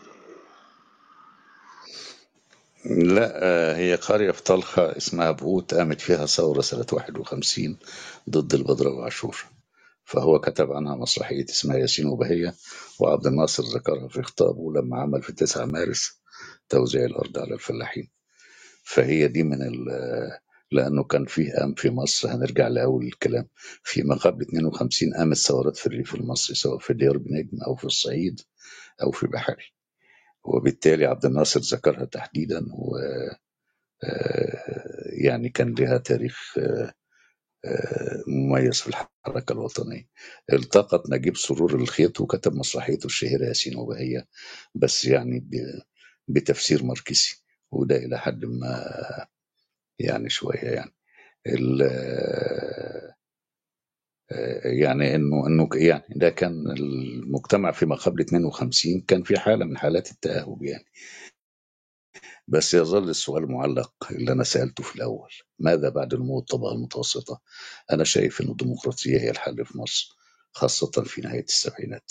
يعني ده الحل المنجي وده حل لم يتقدم أو لحد ما تأخر تأخر تاريخيا الحل ده بس مش حل سياسي إنما حل اقتصادي. طيب أنا شايف إن طب مصر ما هو إحنا محتاجين نناقش مرحلة ما بعد الديمقراطية. يعني الديمقراطية في الغالب طب تيجي الأول يا دكتور بس. طب تيجي جاية الديمقراطية وبعد كده نناقش اللي بعديه. تيجي الأول ص- بس صدقني هي جاية بس أنا شوية عندي طموح أكبر. آه وبعدين الديمقراطية برضو طه حسين فلسفة في مقدمة الفتنة الكبرى. تقرأ الديمقراطية هتعجب أيضا. هي قد تتحول هي أيضا إلى ديكتاتورية. بس يعني يعني لو نبقى في كده آه، عندنا رفاهية النقاش ده مفيش مشكلة. بس يلا زي ما تخرجوا. يوما ما بس من غير ما حد يحرمها ولا حد يحللها ولا نتكلم على إن هي هو ده غ... يعني أنا نفسي الناس تتناقش في ال... يعني في اللي حضرتك بتقوله ده. بس يوما ما يعني يوما ما. طيب أنا شايف إن الاسلام ما عندوش حاجة. الكلمة بعبع. تتحول إلى ما يشبه ال- البتاع بتاعت الجماعة دول السامية يعني. فأنت إذا أنت تحدثت يوم عن الديمقراطية وبقيت pro democracy هتبقى تلاقي نفسك متهم بأنك ربما تعمل على تفتيت المجتمعات بيبقى مشكلة غريبة يعني. وبعدين تبص تلاقي كده حد جالك من الخليج يعاتبك أولا وبعد ما يعاتبك يبقى حاجة تانية بقى؟ معرفش إيه؟ ما تخلينيش أكون شرير يعني هو أرجوك. لا لا حاضر حاضر حاضر خليني حاضر. خليني خليني خليني طيب. خليني أكون مسالم مسالم. حاضر يا دكتور. طيب شكرا ليك جدا وشكرا دكتور فراس. لو عندك حاجة غير دكتور فراس ممكن نختم لا أنا أستأذن أنا أستأذن وبرضه بعتذر لأن أنا طولت. بالعكس والله أنت ما طولتش خالص. والله ما طولتش خالص. بالعكس إحنا مستمتعين جدا والله. شكرا طيب لحضرتك متشكر إحنا شكرا جدا ليكم. إحنا ال link اليوتيوب اللي فوق ده عليه أغلب الحاجات الناس اللي مهتمة إن هي تتفرج عليه ممكن يدوسوا على ال link وحابين يشتركوا في القناة هيبقى خير وبركة يشوفوا بقية الحاجات يعني وفي كذا حاجة موجودة. طيب أستاذ سنكر أنت عندك كلمة أخيرة؟ لو حابب تقولها اتفضل وبعد كده نقفل الغرفه بعد كلمتك. اتفضل. آه لا السلام عليكم. أنا طلعت حتى أنزل ولا حتى تختموا لكن هذا هذا هو هذا هو ال ال آه هذه المقامات الفكرية الثقافية التي كنا يعني نتمنى أن نسمعها مثل الأستاذ محمد الدكتور محمد والدكتور فارس وكل الحاضرين وإسلام وغيرهم. آه يعني لو كانت هذه المقامات موجودة وهذه ال- الخامات الحقيقية الفكرية لكان أظن صلح حال آه، مصر بشكل كبير جدا وبقت مصر على تألقها ولا تزال. أن تكون أم الدنيا في الفكر وطرح والفكر العميق الذي كان يشع ليس فقط على مصر بل يشع على العالم العربي كله. فأشكركم شكر جزيل. يعني حقيقة أنا كنت مستمتع في كل ما آه، طرح والحوار الممتع. أشكركم مرة ثانية. شكرا. شكرا ليك جدا.